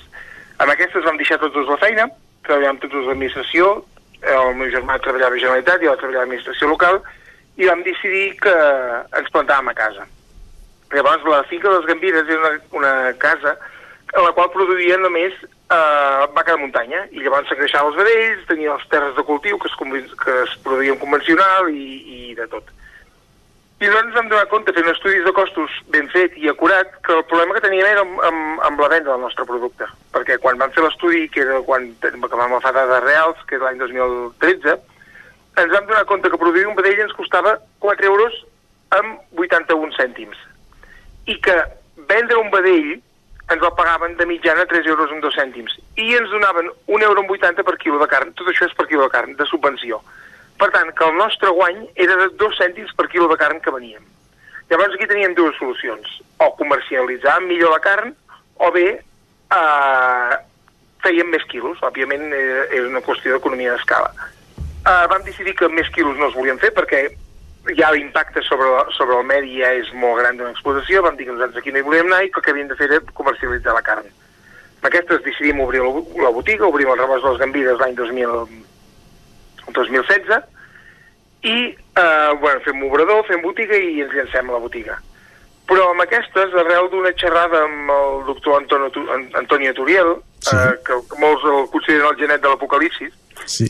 de, de, de, de, de tot el que és la, el canvi climàtic i, i la gestió de, dels recursos, ens donem compte on s'ha veure de que les, la festa s'acaba i que produir com estem produint actualment, com, com estàvem produint actualment, no tenia sentit, perquè al final no deixava de ser una forma exòtica de gastar gasoil. És dir, si tu mires fredament, nosaltres teníem els animals de dins dels quadres. Uh, teníem, plantàvem els camps amb un tractor amb gasoil. Uh, collíem, els, el, collíem el, que, el, el menjar dels camps amb un tractor amb gasoil. Agafàvem aquest menjar i el ficàvem a dins d'un silo. Llavors, amb el tractor, agafàvem aquest menjar i el distribuïem als animals. Aquests animals feien les dejeccions feien caca dins la quadra, que llavors amb un altre tractor amb gasoil agafàvem aquesta caca, la tiràvem un femer. Al cap d'un temps agafàvem aquest fems i el, amb més gasoil i el tiràvem als camps. És a dir, que gastàvem gasoil per tot. I llavors, arrel de, de, del senyor Turiel, del doctor Turiel, vam dir, hòstia, però és que si ens apugen el gasoil, què passarà? Com ens ho farem nosaltres? Hem de buscar solucions. Vam decidir que vam començar a explorar diverses solucions, que si un biodigestor, que si plaques elèctriques, que si allò, però al final el problema és exactament el mateix. És a dir, no estem modificant res, simplement estem donant una solució temporal a un problema que teníem.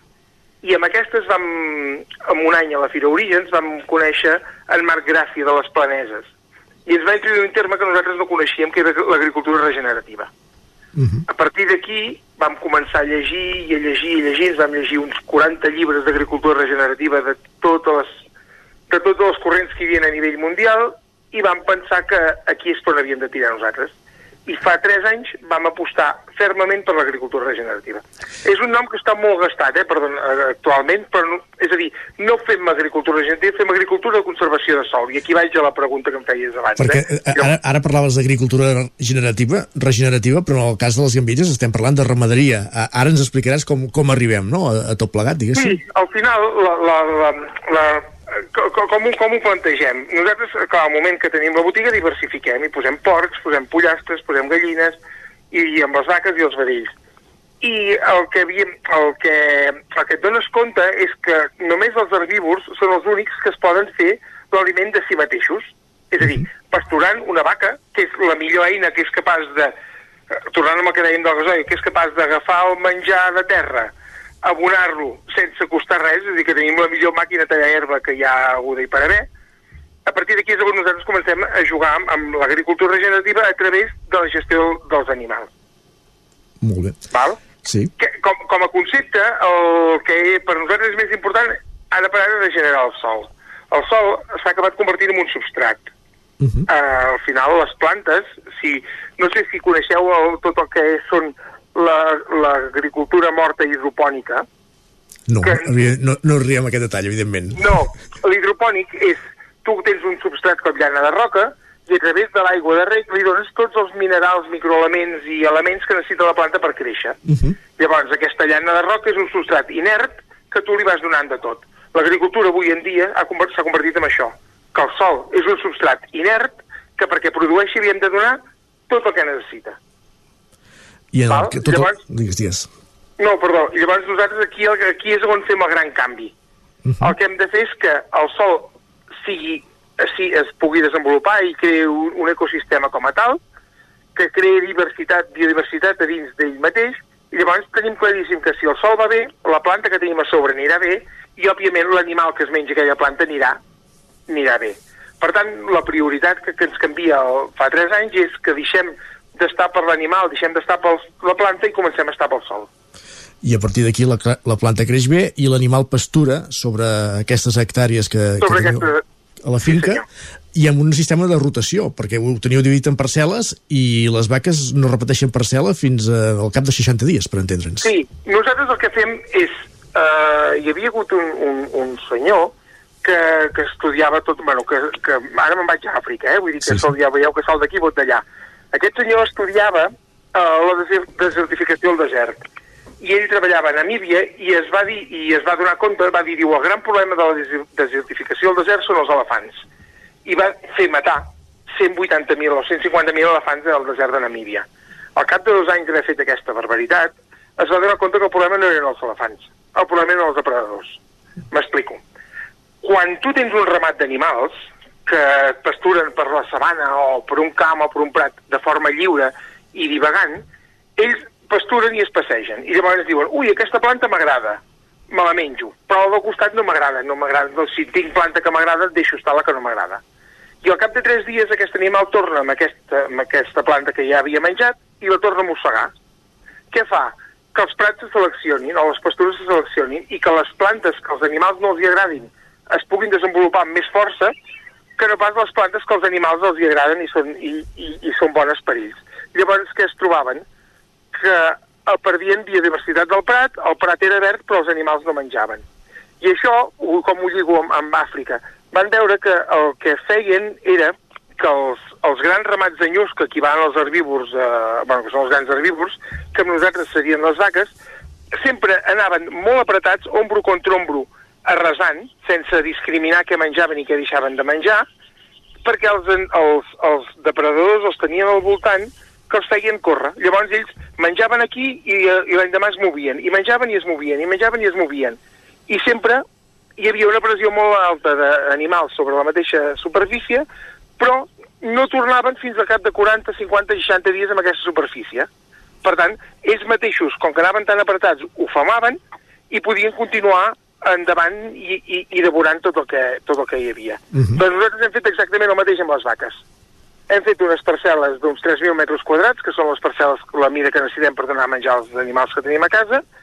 Les fem anar molt apretades, elles estan un dia sencer dins d'aquesta parcel·la, tenen aigua a la parcel·la, mengen de forma indiscriminada, tant els hi fa, mengen, com que competeixen les unes contra les altres, tant es mengen el que els agrada com el que no els agrada.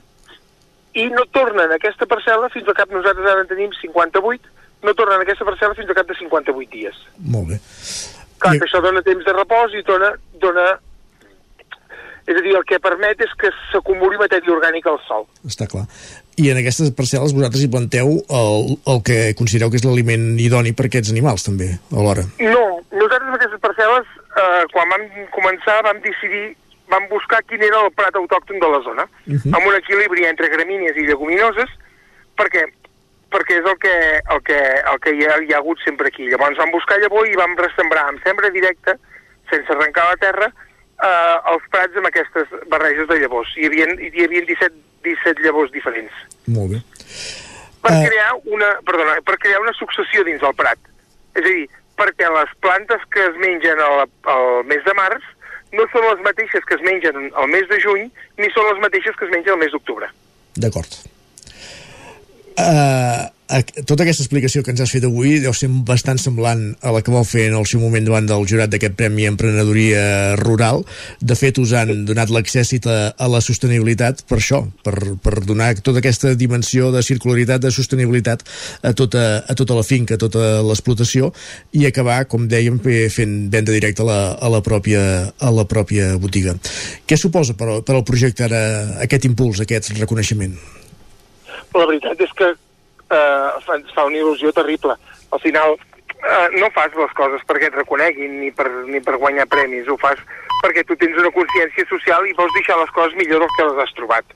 Amb, amb el món ramader se'n se fan molts de, de debats sobre si el tipus de, de model és més o menys sostenible, és més o menys necessari, és més o menys dimensionat a les necessitats d'alimentació de, de, de la població eh, el rendiment que en traieu a nivell d'empresa, diguéssim, està sent el que, el que toca? Esteu contents? Aneu en la bona línia? Com, com, com... Ja, no, no, no, nosaltres ho expliquem sempre. Nosaltres amb 50, és a dir, en 38 hectàrees de les Gambires més 15 allà on tenim la botiga, per tant, amb unes 50 hectàrees estem donant feina a 7 famílies i estem fent menjar per unes 250 persones a la setmana. 250 famílies a la setmana al final allò que diuen no, és que aquest tipus d'agricultura no és escalable a la gran producció ni podem omplir les panxes de tothom, no sé fins a quin punt és veritat.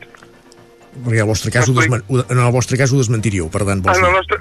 Sí, clar, bueno, en el nostre cas eh, veiem que les coses no són com, com ens volen vendre. La veritat és que estem, estem molt contents i a nivell de consciència, i torno, a nivell de consciència ens doncs, que estem fent el que toca. Doncs magnífic. Josep Llach Casals, eh, enhorabona una vegada més pel reconeixement, eh, enhorabona també per la iniciativa i gràcies per atendre'ns eh, aquest matí. Moltíssimes gràcies a vosaltres, que passeu un bon dia.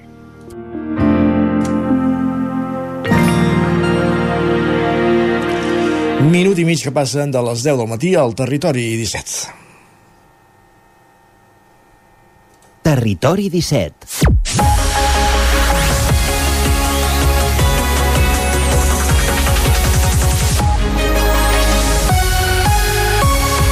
I és moment ara d'actualitzar-nos, de posar-nos al dia amb les notícies més destacades de les nostres comarques. Ho fem en connexió amb les diferents emissores que dia a dia fan possible el territori 17, on Codinenca, Ràdio Cardedeu, la veu de Sant Joan, Ràdio Vic, el 9 FM, i ens podeu veure també a través de Twitch, YouTube, Televisió de Cardedeu, el 9 TV i la xarxa més. Per explicar-vos aquesta hora que les últimes dades de l'Agència de Residus de Catalunya tornen a situar Osona entre les comarques capdavanteres en reciclatge. El porta a porta és el sistema majoritari a la comarca i encara s'estendrà més al llarg de l'any 2024 al 9 FM Clàudia Dinarès. Els contenidors d'orgànica multiproducte i rebuig desapareixeran d'aquí poc dels carrers de Sant Pere de Torelló. Només hi quedaran els de vidre. El dilluns, dia 6 de novembre, el municipi comença la recollida de residus porta a porta. Amb la posada en marxa d'aquest sistema, Sant Pere aspira a passar del 57% de recollida selectiva actual al 85%, tal com explicava l'alcalde Jordi Fàbrega. En 10 anys s'ha multiplicat un 700% el cost de portar el rebuig a un abocador no només a Orís, a tot Catalunya. Som conscients que un canvi d'hàbits sempre és dificultós, però què anem a buscar? Anem a buscar que en vez de tindre un 57% de reciclatge podem aconseguir un 83-85% de reciclatge. Sense que s'hagin manifestat grans reticències, la sensació general entre els veïns és de prudència a l'hora de valorar el nou sistema. El consistori ha anunciat que congelarà la taxa de deixalles per l'any que ve. De cara al 2025 es vol plantejar un sistema de pagament que premi a qui faci bé la recollida i penalitzi a qui no. Fer una situació més discriminatòria, si vols, si vols utilitzar aquesta terminologia, amb aquelles actituds correctes que fan reciclatge i aconsegueixen l'objectiu d'uns percentatges de reciclatge elevats a casa seu, que veiem que orgànic, que el multiproducte, que tot funciona, i aquelles actituds que pot ser que diguin jo passo de tot i ho fico tot a rebuig i no em dóna la gana de fer reciclatge, aquest seria per d'una manera més penalitzat i el rebuig seria més elevat. El Porta a Porta Sant Pere serà el primer que arrencarà entre els municipis que han de començar a aplicar aquest sistema en els propers mesos. L'any 2024 també s'ha de posar en marxa a Gurb, Montesquieu, Sant Quirze de Besora, Sant Boi de Lluçanès i a tres punts de Vic, la Guixa, Sant Llàtzer i les quatre estacions. D'aquesta manera, en els propers mesos, el Porta a Porta s'haurà estès fins a 28 municipis d'Osona i el Lluçanès. I les masies de Voltregà i Torelló també faran canvis en la recollida de deixalles, en el seu cas apostant pels contenidors intel·ligents. En les últimes dades, Osona amb una recollida selectiva que frega el 70%, és la comarca amb l'índex de reciclatge més elevat de la Catalunya central. Doncs precisament en un d'aquests pobles que comentàvem, a Torelló, la previsió amb l'aplicació dels contenidors intel·ligents és incrementar un 30% la taxa d'escombraries. Clàudia. Exactament, l'alcalde Marcel Ortuño ho explicava en una entrevista al Nou TV. Diu que tot plegat té a veure amb una normativa europea que l'any 2025 obliga que la taxa cobreixi el cost total del servei. Hi ha una normativa europea que el 2025 obliga que la taxa cobreixi el cost total de, del servei. Llavors aquí tots els ajuntaments, pràcticament tots, estem per sota i hem de, eh, doncs amb aquests eh, dos anys, arribar a cobrir la taxa. Això en el cas de Torelló suposa actualment fer una puja d'un 30% de, de la taxa, és una puja important que doncs, eh, eh traduït al, rebut venen a ser uns 30 i pico d'euros anuals Canviant de tema, en les últimes setmanes la policia local de Torelló ha intervingut en conflictes al carrer Sant Josep, la zona del carrer de Pont Sant Antoni, la zona esportiva i també la plaça Nova. Ortuño assegura que ara per ara la gran preocupació del municipi és la seguretat. Diu que el problema de seguretat és a tot el país i que s'ha de resoldre de forma conjunta. Un fenomen dels últims mesos malauradament no exclusiu de, de Torelló, hem vist tots imatges de, d'escenes de, que no s'haurien de produir a la via pública doncs, a Manresa, a Molins de Rei, a Sant Feliu de Llobregat, eh, tots aquests eh, temes doncs, que, que, que uns mesos cap aquí eh, estan tan sobre la taula de qualsevol ajuntament, els, els abordem ja preventivament. Eh, hem convocat per finals d'aquest mes la Junta de Seguretat, tenim molt clar eh, la línia quina ha de ser, que és eh, reforçar les polítiques aquestes que ens han de portar doncs, a, a un major civisme i sobretot eh, reforçar en el punt que estem ara l'actuació policial.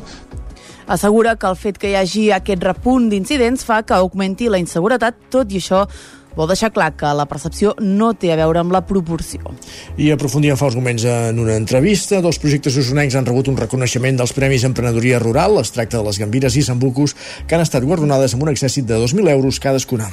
El projecte de Parc Ecològic Solsoní de Pagès es va endur els 15.000 euros de premi de la quarta edició del Premi Emprenedoria Rural, un guardó que convoquen Quintanes Casa Tarradellas, el BBVA i la Fundació Antiga Caixa Manlleu.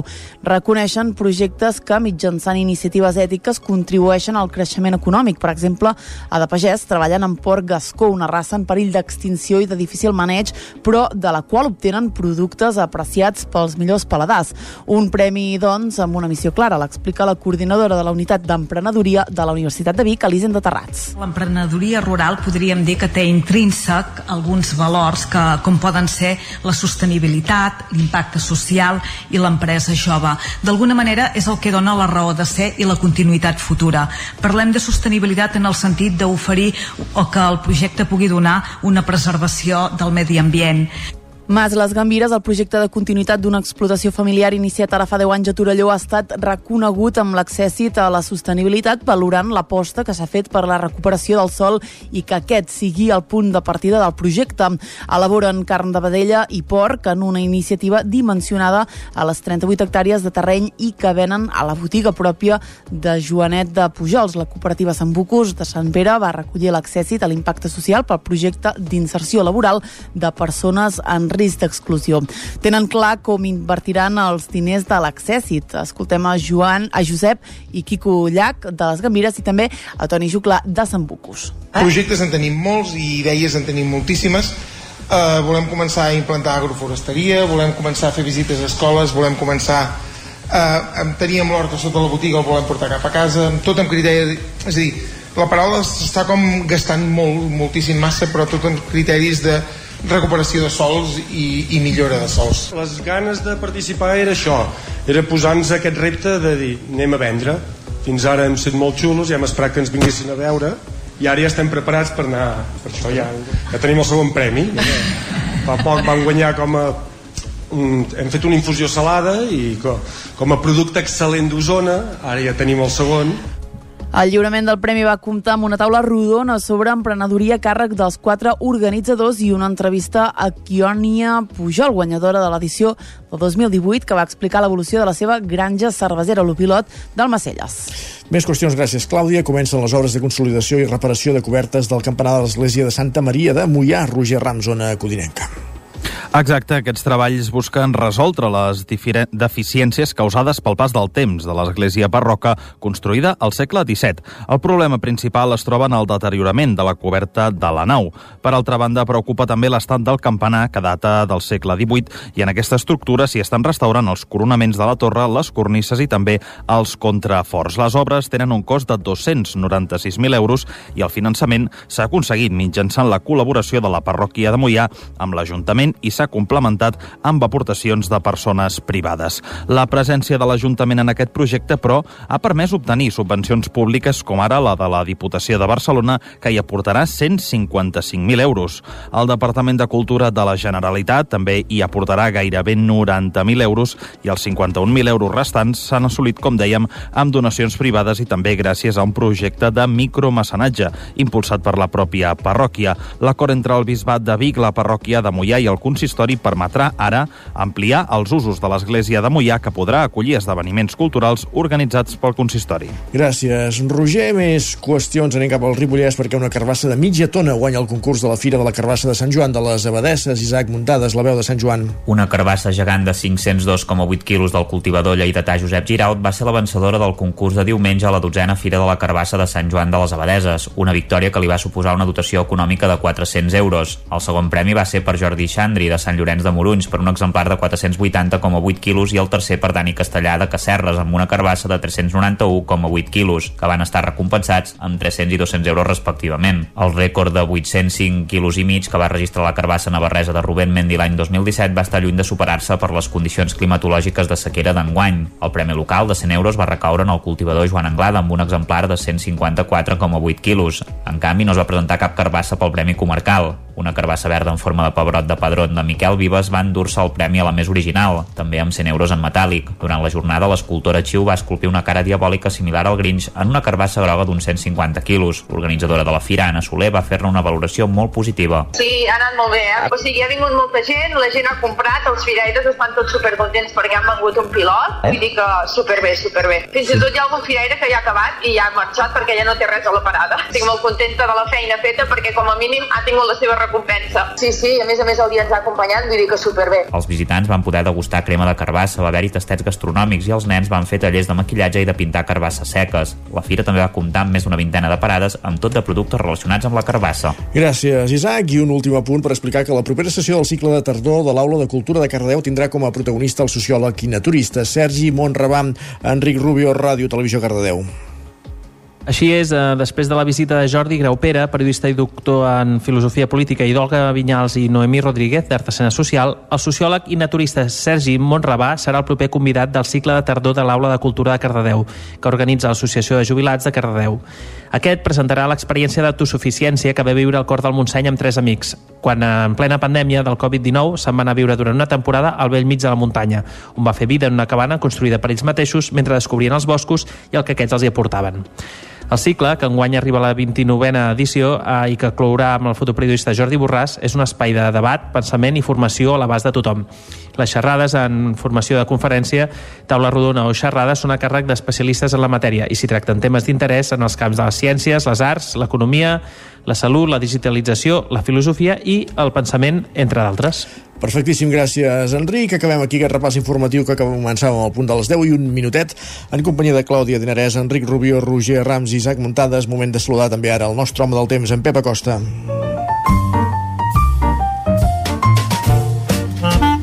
Casa Terradellos us ofereix el temps. Perquè volem saber què n'hem d'esperar d'aquesta setmana meteorològicament parlant. Pep, benvingut de nou, bon dia. Hola a tothom, molt bon dia. Com estàs? Aquesta perturbació, la Bernat, com deia abans, ha provocat una pujada, una pujada de temperatures mínimes, una pujada molt notable, i eh, pluja, però cap a l'oest de Catalunya. A casa nostra, ben poca cosa. Mm, les temperatures mínimes, per què han pujat? Doncs perquè hi ha hagut eh, aquesta entrada de vents de sud eh, que ha fet, que ha fet disparar, disparar literalment la temperatura mínima. I també la màxima.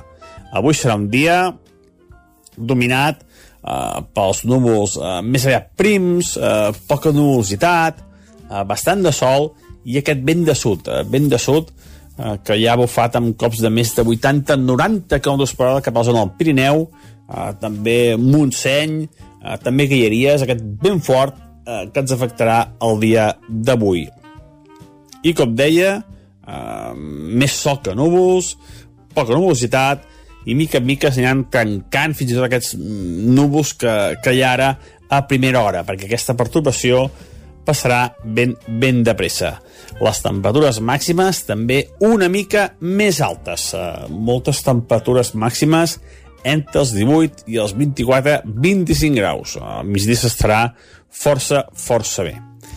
I de cara, faig un petit avançament de tota la setmana, eh, no es preveu cap gran pertorbació, eh, potser podem tenir un dia eh, petites eh, precipitacions que són al Pirineu, però no es veu ni de bon tros cap llevantada ni cap situació de pluges generals. I les temperatures sempre una mica per sobre del que seria habitual. Però bueno, ja anirem concretant, anirem parlant dia rere dia. Moltes gràcies i fins demà. Adeu. Gràcies a tu, Pep. Fins demà. Casa Tarradellas us ha ofert aquest espai. I del temps cap als esports.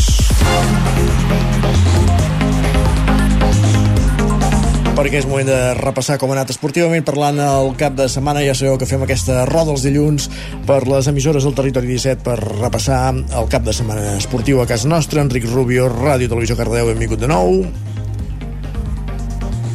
Què tal? Com estem? Fem aquesta roda i t'agrada començar per mi, eh? Va veure com anem als, amb els resultats fatídics d'aquestes últimes jornades. Fa, continuem amb fatalitats? No, no ah, tant. Entesos. Oita començaré dient-vos 4 partits guanyats, 3 home. empatats i un perdut. Home, home, home, això millora molt, no? Disculpa, 3 perduts i un empatat. Però bé, en tenim 4 guanyats, que és el que, he, doncs va, el que lidera això. Sí. Anem Comencem tal i com vam fer-ho divendres amb l'agenda esportiva i és que els més menuts de l'handbol Cardedeu han iniciat d'una manera molt ben solventada el primer dia de competició. Com van dir, ho feien a Granollers i mentre que els prebenjamins van empatar, les prebenjamines van guanyar el seu primer partit. Continuem amb l'handbol per repassar el resultat del sènior femení i és que ho han tornat a fer, han tornat a guanyar aquest cop només per un gol en un partit molt disputat contra el Martorell i això fa que continuïn segones en una lliga on recordem si han estrenat aquesta temporada, així que no podríem estar més contents ja que van segones, com dèiem. Les de la capital ballesana no han tingut tanta sort i és que el CAC 7 ha perdut contra el Costa del Sol per un gol i això les deixa setenes a la classificació. Per la seva banda, el Freikin, és a dir, els nois, sí que han guanyat aquest cop, quedant 27 a 35 al camp del Bada Huesca, per tant, resultat sobradament eh, satisfactori. Anem ara cap al futbol de casa, cap al primer equip de Cardeu, el qual ha perdut contra el Bascanó per 0 a 3, mentre que el filial ha tret pit i ha aconseguit un meritori 1 a 2 fora de casa contra la Roca Penya Blanc-Blava Club. Per la seva banda, els de Granollers de futbol també han perdut a la Lliga Elit jugant a casa 1 a 4. Així que res, eh, Isaac, avui veus que hem començat per als partits guanyadors en comptes del revés. Que ho farem així, així iniciem bé la secció. Però per començar pels que guanyen fa falta que es guanyi. Sí, Gràcies, exacte. Enric. A vosaltres. Fins ara. Roger Rams, zona codinenca, com anar la cosa? Què tal? Doncs aquí també, com sempre, una mica de diversitat. Hem tot plegat, tenim guanyadors, tenim perdedors... Ens agrada la diversitat, va. molt bé. Sí, i tant, sempre és bona. Va, comencem com sempre pel futbol. Ho fem a la primera divisió catalana. El Caldes va sumar una nova victòria a domicili, aquest cop per dos gols a un davant el Tossa de Mar. Amb aquest resultat, els calderins se situen ara mateix onzens a la classificació, sumant 7 punts. Més futbol a la segona catalana, dies intensos aquests pel Sant Feliu, i és que després de jugar dijous a la nit, un partit ajornat al camp del Sant Quirze de Besora, ho vam recollir aquí al territori 17 divendres, que va acabar amb derrota pel Sant Feliu, dissabte a la tarda tarda els codinencs van tenir un nou compromís, aquest cop al camp del Can Rull de Sabadell, que va acabar amb victòria per un gol a dos. Aquest resultat dona una mica d'aire al Sant Feliu, que suma ara mateix 7 punts i és 14è a la classificació. I per tancar el capítol futbolístic, a la tercera catalana, el Mollà va empatar a un a casa contra el Taradell, un resultat gens bo pels moianesos, que són penúltims de la taula amb només 5 punts en 6 jornades. I acabem, com sempre, parlant d'hoquei patins. A l'hoquei Lliga masculina hem tingut la primera victòria del rec amb les arcaldes per 2 a 3 a Madrid, en concret a la pista del Ribas. Els calderins van fer un molt bon partit, amb remuntada inclosa, ja que el primer temps perdien per 2 a 0. Amb aquest resultat, el Caldes es col·loca a desè a la Lliga amb 4 punts. Pel que fa al primer equip femení del Caldes, a la sisena jornada de la Lliga Nacional Catalana es va imposar per 1 a 3 a la pista de l'Igualada.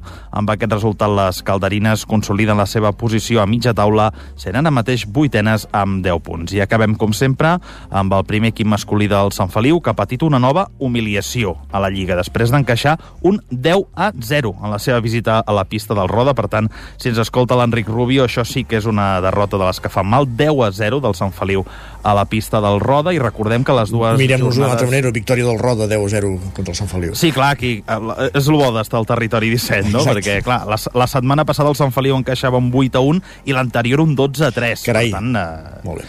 Sí, sí, han començat malament les coses, però, en fi, els codinencs són ara mateix penúltims amb 3 punts. Gràcies, Roger. Anem cap al Ripollès. Isaac Muntades, la veu de Sant Joan. Bon dia. Bon dia. Com anar la cosa? Bé, bé, a veure, aquí sobretot tenim també algunes competicions uh, una mica especials, no només portem futbol i, i hoquei, també tenim uh, el motor, perquè aquesta setmana, aquest cap de setmana es va disputar, com sabeu, la tretzena edició dels dos dies trial de Santigosa Clàssic amb una participació rècord de 166 inscrits en pilots d'arreu del món. Hi havia sis categories, Fernando Cabré va guanyar en la de, en la de clàssics i Ivan Rovira en la d'experts. Hem de dir que Joan Sanllaí i Carlos Herrando van completar el podi en, en clàssics i Jaume Bonfill i Jaume Sobirà van fer el mateix en, en experts. En la categoria pre-65 va vèncer Darren Walker seguit de Paul Norman i Martín Gilbert. En pre-72 va sortir vencedor Alberto Selma i el podi el van acompanyar Juan Verdura i Rafael Assins i en pre-80 la victòria va ser per rang eh, Michel i Robin Lascomba i Manel Campoy van, van tancar el podi. En trialers finalment va guanyar Valentí Fontserè seguit de Ian Robinson i Jordi Llinàs. I no abandonem el motor perquè en la categoria absoluta de trial al Ripollès aquest cap de setmana a Camprodon es va disputar aquest campionat en què Jaime Bustos va proclamar eh, campió en assolir doncs, 117 dels 120 possibles dels 120 punts possibles durant, durant l'any havent guanyat 6 de les 7 proves. També va fer-ho a, a Camprodon. Adam Raga i Gabriel Marcel el van a, acompanyar en el podi final eh, mentre que Gil Vila va guanyar el campionat espanyol trial en la categoria de Terra 2 eh, després també de guanyar a Camprodon per davant de Pau Martínez i, i Pau Dinarès. Eh, a banda del motor també tenim bicicletes perquè es va celebrar la Vandàlica BTT de Can Davant on Kilian Folgueres va imposar la prova extrem de 36 km per davant d'Aitor Martínez i Eric Escánez Albert Uller va vèncer la prova llarga superant a Guillem Ausió i Albert Cotinac en la categoria femenina en aquest cas va guanyar Iris López seguida de, de Clara Gómez Uh, la vandàlica curta va ser per Txell Vergés i Abril Roma, que va vèncer en la categoria femenina però va fer segona de la, de la general i els podis els van completar Martí Guillem Garcia i Aina Sánchez i Ingrid Galera. També dir que Folguera i Roma van guanyar la cronoescalada de dissabte per aconseguir el seu doblet. En futbol, la Badesenc, el grup 3 de la tercera catalana va cedir els seus primers punts de la temporada amb empatar un al camp del Sant Gregori, tot i així es manté líder amb 16 punts. Lluc va avançar els locals després d'una falta indirecta dins l'àrea, però Avellan va empatar en un córner. El Camprodon, per la seva banda, va perdre 3 a 2 contra el Comacros i cau fins a la vuitena posició amb 10 punts. Adan va avançar els visitants a la primera part després d'un refús, però la segona Becari dues vegades i Danso en tres passades de la mort, tres jugades calcades van sentenciar abans que Lluc aprofités una pilota morta en l'últim minut per reduir diferències. Qui sí que va guanyar per primer cop a la temporada va ser el Can Davano, que va derrotar per 2 a 1 l'escola de futbol de la Garrotxa. Bové va fer el primer gol en una centrada lateral i Serrador el segon en aprofitar el rebuig del porter i els visitants només van poder reduir distàncies amb un gol d'Eric en l'últim minut del temps afegit. I per acabar, a la primera catalana d'hoquei patins, l'hoquei Club Ripoll va perdre la pista del Capellades per 4-2 amb els gols de Jaume i Eric en una primera part en què van marxar perdent 2 a 0, però la segona no va tenir prou encert per capgirar el marcador i el Ripoll és 12 amb, amb 7 punts i com veieu no hi ha futbol sala perquè es va ajornar el partit de l'escola de futbol sala Ripoll Servicat contra l'Olímpic Argentona. Gràcies, Isaac. Parlem d'aquí una estona a la tertúlia i saludem ara en Guillem Freixa als estudis del 9FM per repassar el cap de setmana esportiu usonenc, uso, usonament parlant. Uh, Guillem, benvingut, bon dia. Bon dia. Com ha anat la cosa? Doncs uh, resultats uh, diversos aquest cap de setmana amb gruix ja important. Han començat pràcticament totes les principals categories. Faltava la Hockey Lliga Plata, Sí. uh, on hi ha presència usonenca, i ha arrencat aquest cap de setmana. Comencem, però, amb futbol i ho fem amb el Tona, equip que competeix a la tercera federació. Un Tona que s'ha refet amb un triomf, venien de dos empats i una derrota, i aquest cap de setmana jugant a casa contra la Grama doncs van guanyar 2 a 0 gols de Dan Coll i de Didac Serra i aquest triomf que els permet mantenir-se a la zona alta de la classificació ara mateix tercers, 14 punts eh, 3 punts del líder, que en aquesta tercera federació és l'Olot, l'equip Garrotxí, que ha fet un projecte molt potent a la categoria. Encara en futbol baixem un graó, ho fem a la Lliga Elite, on el Vic s'ha encallat, són quatre jornades ja sense guanyar, i aquesta setmana jugaven al camp del Valls, un camp on van ser víctimes, podríem dir, d'un terreny de joc eh, més estret del que estan habituats els biguetans, a més a més amb una proposta de joc en què dona molt protagonisme a les bandes, no els hi van sortir gens bé les coses i un gol al quart d'hora de partit doncs va acabar sent decisiu.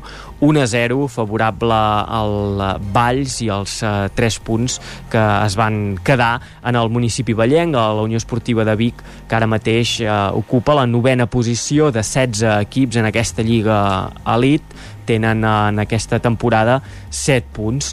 I on sí que es van acumulant bones notícies doncs és a la primera catalana on competeix el Manlleu.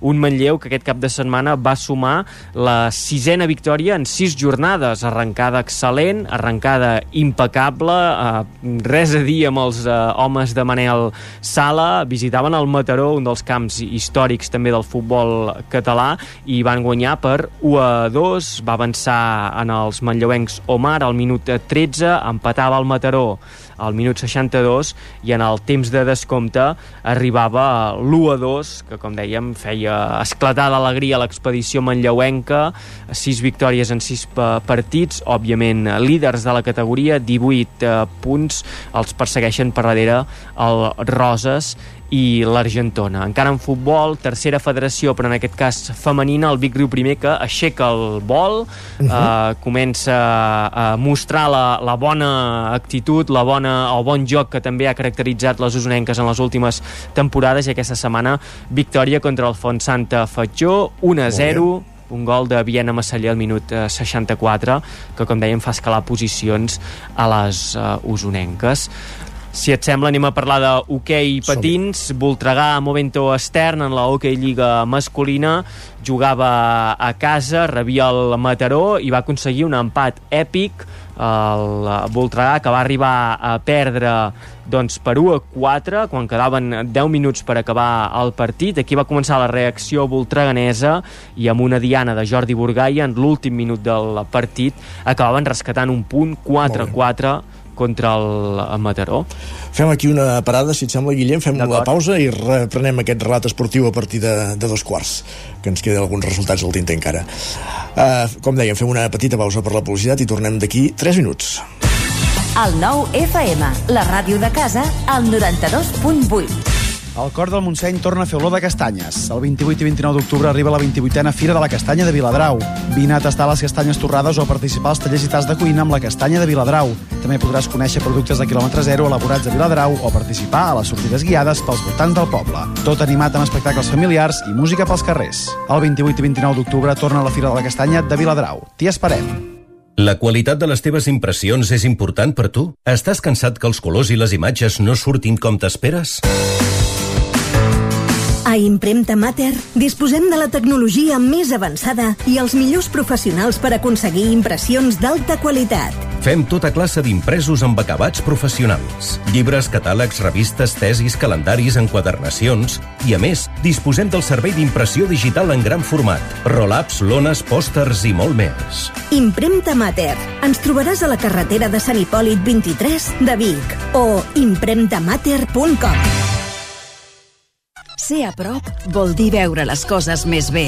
Apropa't al que t'interessa amb la xarxa Més. La teva plataforma audiovisual de qualitat, proximitat i gratuïta. Gaudeix dels continguts de més de 30 televisions locals i podcast quan, com i on tu vulguis. Entra a la xarxa més.cat i descarrega't l'app. L'infopodcast del 9-9 amb Sílvia Pedret. cada dia et donem les claus de les notícies més rellevants de casa nostra. Vivim en una comarca que s'està demostrant pionera en transició. Desperta't cada dia amb l'infopodcast del 9-9. Aquesta setmana tornen a ser notícia els pantans perquè han baixat... El trobaràs a dos quarts de vuit del matí al 99.cat, Spotify, iVox i, si ho vols, te l'enviem directament al mòbil. Subscriu-te als canals de WhatsApp i Telegram del 99. Soc Sílvia Pedret. Comencem. Cada dimarts a les 11 de la nit, al 9 FM, repàs de l'actualitat esportiva a la banqueta. Cocodril Club. Si t'agrada la bona música dels anys 60, 70 i 80, escolta el 9 FM als matins de dissabtes i diumenges d'11 a 1. És el temps del Cocodril Club, tot un clàssic de la ràdio, amb les bases del pop-rock, les llegendes, les cançons que s'han convertit en autèntics himnes. Recorda, dissabtes i diumenges al matí, d'11 a 1, al 9 FM 92.8. Cocodril Club, el programa revival de l'Albert Malla. Hasta luego, cocodrilo. Anuncia't al 9FM. La màquina de casa. 9 3 8 8 9 4 9 4 9. Publicitat arroba al 9FM.cat. Anuncia't al 9FM. La publicitat més eficaç. El 9 FM, la ràdio de casa, al 92.8. En punt, dos quarts d'onze, al territori 17.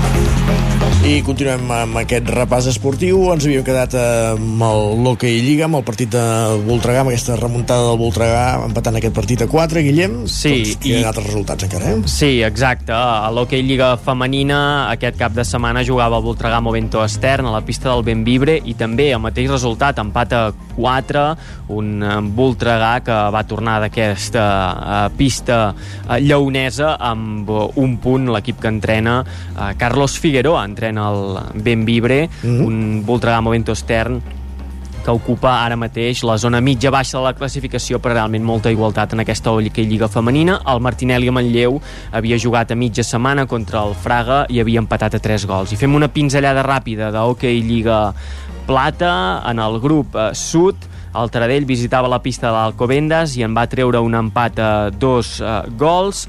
L'Alcobendas que va anar sempre per davant en el marcador i a les acaballes Víctor Crespo feia el 2 a 2 definitiu. I en el grup nord on competeixen el Vic i el Manlleu, l'únic que jugava a casa era el Vic, el conjunt biguetà va guanyar 2 a 1 en el Vendrell amb dianes de Font i d'Uri Ramírez pel que fa al Martinelli a Manlleu doncs el conjunt eh, manlleuenc jugava a la pista del Cerdanyola, va perdre 3 a 2 eh, en un partit en què el Cerdanyola es va arribar a posar 3 a 1, va escurçar diferències amb el 3 a 2 al Manlleu, però ja no hi va haver temps per aconseguir l'empat. Perfectíssim, Guillem, moltíssimes gràcies. No marxis, perquè tot seguit ens resolem la tertúlia. Abans, però, fem un parèntesi per anar fins a Twitter.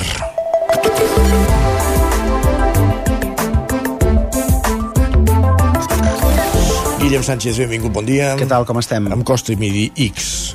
Vaig dir en Twitter, eh? A tu et costa dir X i a la gent li costa dir Guiu. Mira que és fàcil, eh? Ai, senyor, Mira que és sí. fàcil. Uh, des d'ahir tenim tots Guiau, un nou... vaig sentir una cosa així, impressionant, mare de Déu. Des d'ahir tenim tots un nou, un nou ídol, tot i que no el que, pronunciar. però és que a més és un nom que tant es llegeix en català com en castellà, és que no hi ha aquí és on anava, Isaac, aquí és on anava. Té més. Va, anem a repassar algunes piulades en referència a aquest tema. En Quim, que ens diu Wei, Ui, Gil, ara resulta que a Espanya tampoc saben dir Guiu. En Jordi deia també això, diu, mira que és fàcil dir Guiu, segur que els noms de Bellingham o Chouameni els pronuncien perfectament. I la Maria ens Bueno, apuntava... pronuncien pre- pre- perfectament a la seva manera, A la perquè, perquè, perquè bé, Van Benzema, que està claríssim que com sona una Z, ells Benzema con, con dos Zetas. La Maria també, també ens comentava, diu, el millor de tot és que Guiu es pronuncia igual si ho llegeixen en castellà. Són quatre lletres que no haurien de ser estranyes per a ells, evidentment. En Roc ens afegeix el següent, diu, Marc Guiu ha celebrat el gol com se celebra l'eufòria, sense les pallassades a què ens han acostumat, que no perdi la naturalitat. De, de fet, jo crec que va quedar una mica sorprès ell, ell, ell mateix i no va saber què fer davant de a 40.000 persones i els seus companys i bé, va fer, va fer una celebració que potser no recordarà tant pel què sinó per al moment i pel, i pel com Per cert, Marc Guiu, deixem-ho dir, eh? és que no, els que no estiguin al cas del futbol, és un jugador juvenil del Barça que va debutar amb el primer equip, va tocar una pilota i la va fotre dins la porteria. correcte, I així- 34, i així, i així, 34 segons després d'haver entrat al camp I així el partit va acabar 1 a 0 a favor del Barça. Mira, i ahir encara van fer aquella cosa de poder veure quants seguidors tenia Instagram just en el moment en què va fer el gol, que eren 45.000, i avui al matí em sembla que ja rondava els 50.000 o el mig millor. Però aquí hi ha trampa, és que escriuen que és en castellà a l'Instagram. Clar, ja se sap que és una llengua que genera més adhesions. Va, t'ho compro, va. I en Pau també ens diu, Marc Guiu, tota la pinta que si no fos futbolista obriria una franquícia d'espardenyes a Cadaqués. No, a Berga, és de, A Berga. és, és de Berga. Mira, he llegit que és de Berga, que és de Sant Celoni, que és de Granollers i que és de Cardedeu. No sé qui té raó. Doncs ja deu ser allò que el DNI diu una cosa, però la realitat és una altra, en fi. Què més? Va, però recordem que el Barça no és l'equip català millor classificat eh, de, la, de la Lliga, ara, ara mateix, sinó que tenim una altra Girona també bastant, bastant Ja en parlarem increïble. tertúlia, sí. L'Andreu ens diu l'1 del Girona és de les coses més excepcionals que han passat a la Lliga Espanyola dels últims temps.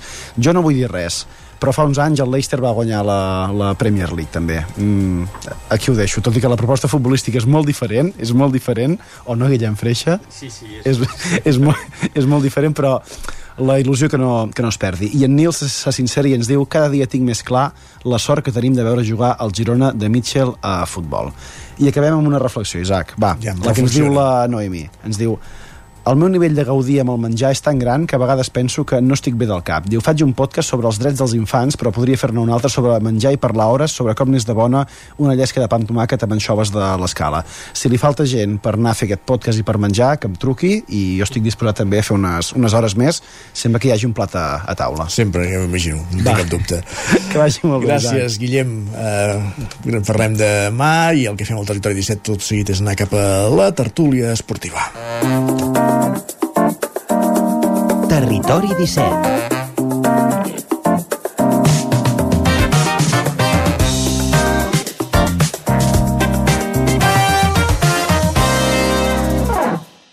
Com dèiem, passen 5 minuts del punt de dos quarts d'onze del matí, tertúlia esportiva al Territori 17.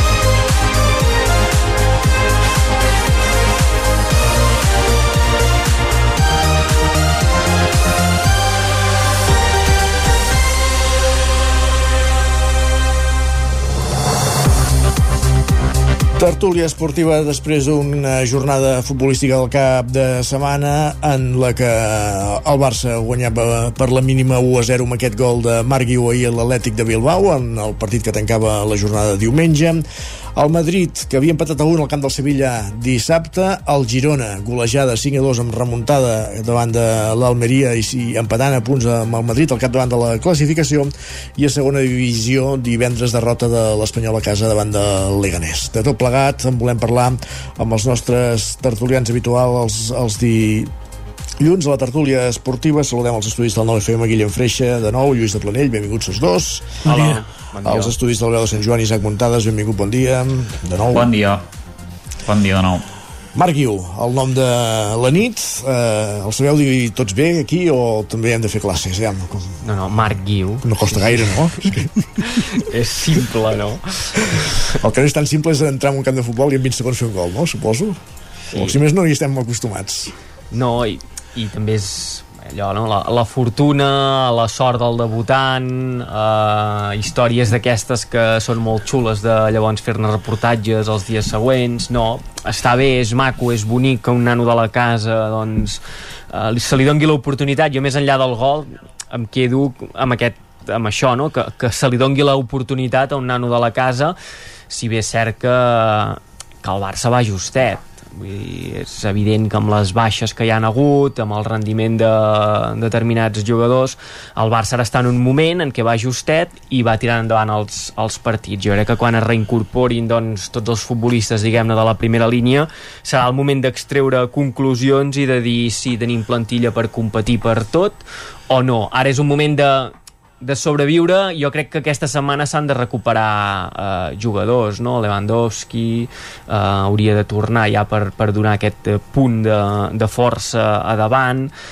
i després aquests nanos que van sortint de darrere doncs això, anar-los donant minuts anar-los donant l'alternativa però que tampoc es converteixin en el, en el pal de paller de, de la plantilla, perquè estem veient això, no? que per exemple Fermín no? ja és uh, titular, Ja és habitual, sí, sí. Uh, en Lamine. Lamin Yamal doncs, uh, el mateix bueno, uh, suposo que fruit de les circumstàncies i fruit també de les baixes que ja estan a venti se'ls ha de donar l'alternativa però que això no pot no, no poden convertir-se en, en, en els, en els diguem, en, el, en les persones que han de, de portar tot l'equip tota la temporada jo crec que quan es recuperin totes aquestes figures que dèiem a Pedri, De Jong, Lewandowski que, que seran ells els que, els que estaran al camp i a mi m'agradaria pensar que aquesta setmana recuperaran i que de cara al clàssic eh, hi, hi seran tots ells el clàssic recupera, fa miracles eh? amb, amb les recuperacions de, bueno. de lesionats sí.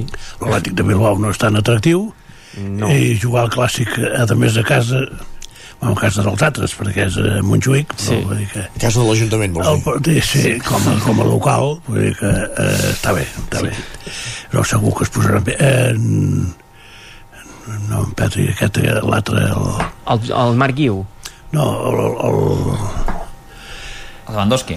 No, no, aquest noi, aquest noi que va jugar ahir de titular Jong. En Fermín. eh, Fermín, ah. contra el Madrid no jugarà de titular no hauria, no? no, i, i en Marc Guiu tornarà el juvenil suposo que és, sí. que és, és on, on li toca el que passa que, clar, jo sé, soc futbolista jo als 23 segons decideixo un partit que tot el primer equip que això em faria una il·lusió tremenda Molt.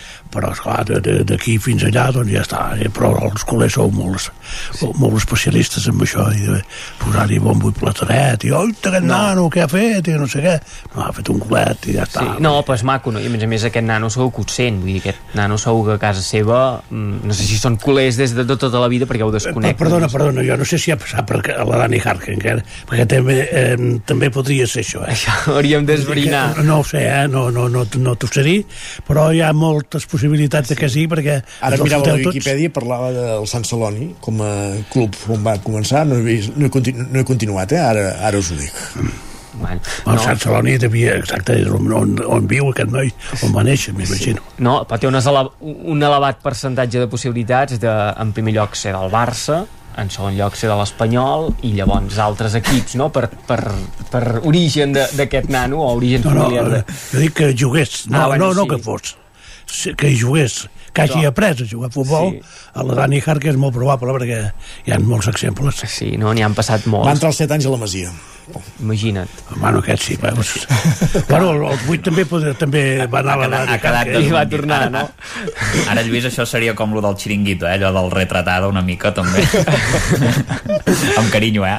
No, jo, no, jo, però... jo ho dic perquè Sí, sí. s'ha donat molts casos. Sí. El mateix Sí, sí, Oriol sí, Romeu va jugar amb... Eh, Home, en Ferran Jutglà, per exemple, Exacte. Bueno, perquè jo que és de l'Espanyol, a veure, en tothom ho categories sap, de base, nanos que destaquen, és molt habitual que acabin passant per Sí, Barça, sí. Espanyol i DAM, no? Exacte. Ara potser mm, s'hi han afegit altres clubs, però aquests tres, no? Són els... Jo, jo ja he dit que no ho sabia, eh, perquè Sí, no, sí, sí. d'aquest noi no havia assistit ni a parlar jo. Però vull dir que segurament la, la vivència de marcar un gol, això que dèiem, eh, els 20 i pico segons i decidir el partit amb el primer equip, segur que aquest nano la va viure una, amb una intensitat que un jugador que ha arribat aquí en el filial no ho tindrà eh, a nivell de, de sentiment, eh? és, és, és evident. I la seva família el mateix, em sembla que corren imatges no? de la seva família Fent-se fotos amb ella. i, i mig eh, allò super contents i quasi bé com aquell que diu plorant mentre celebren el gol bueno, esclar, si... La pregunta és, el, el Barça fet no té, eh, el Barça Atlètic que dieu ara, Mhm. no té eh,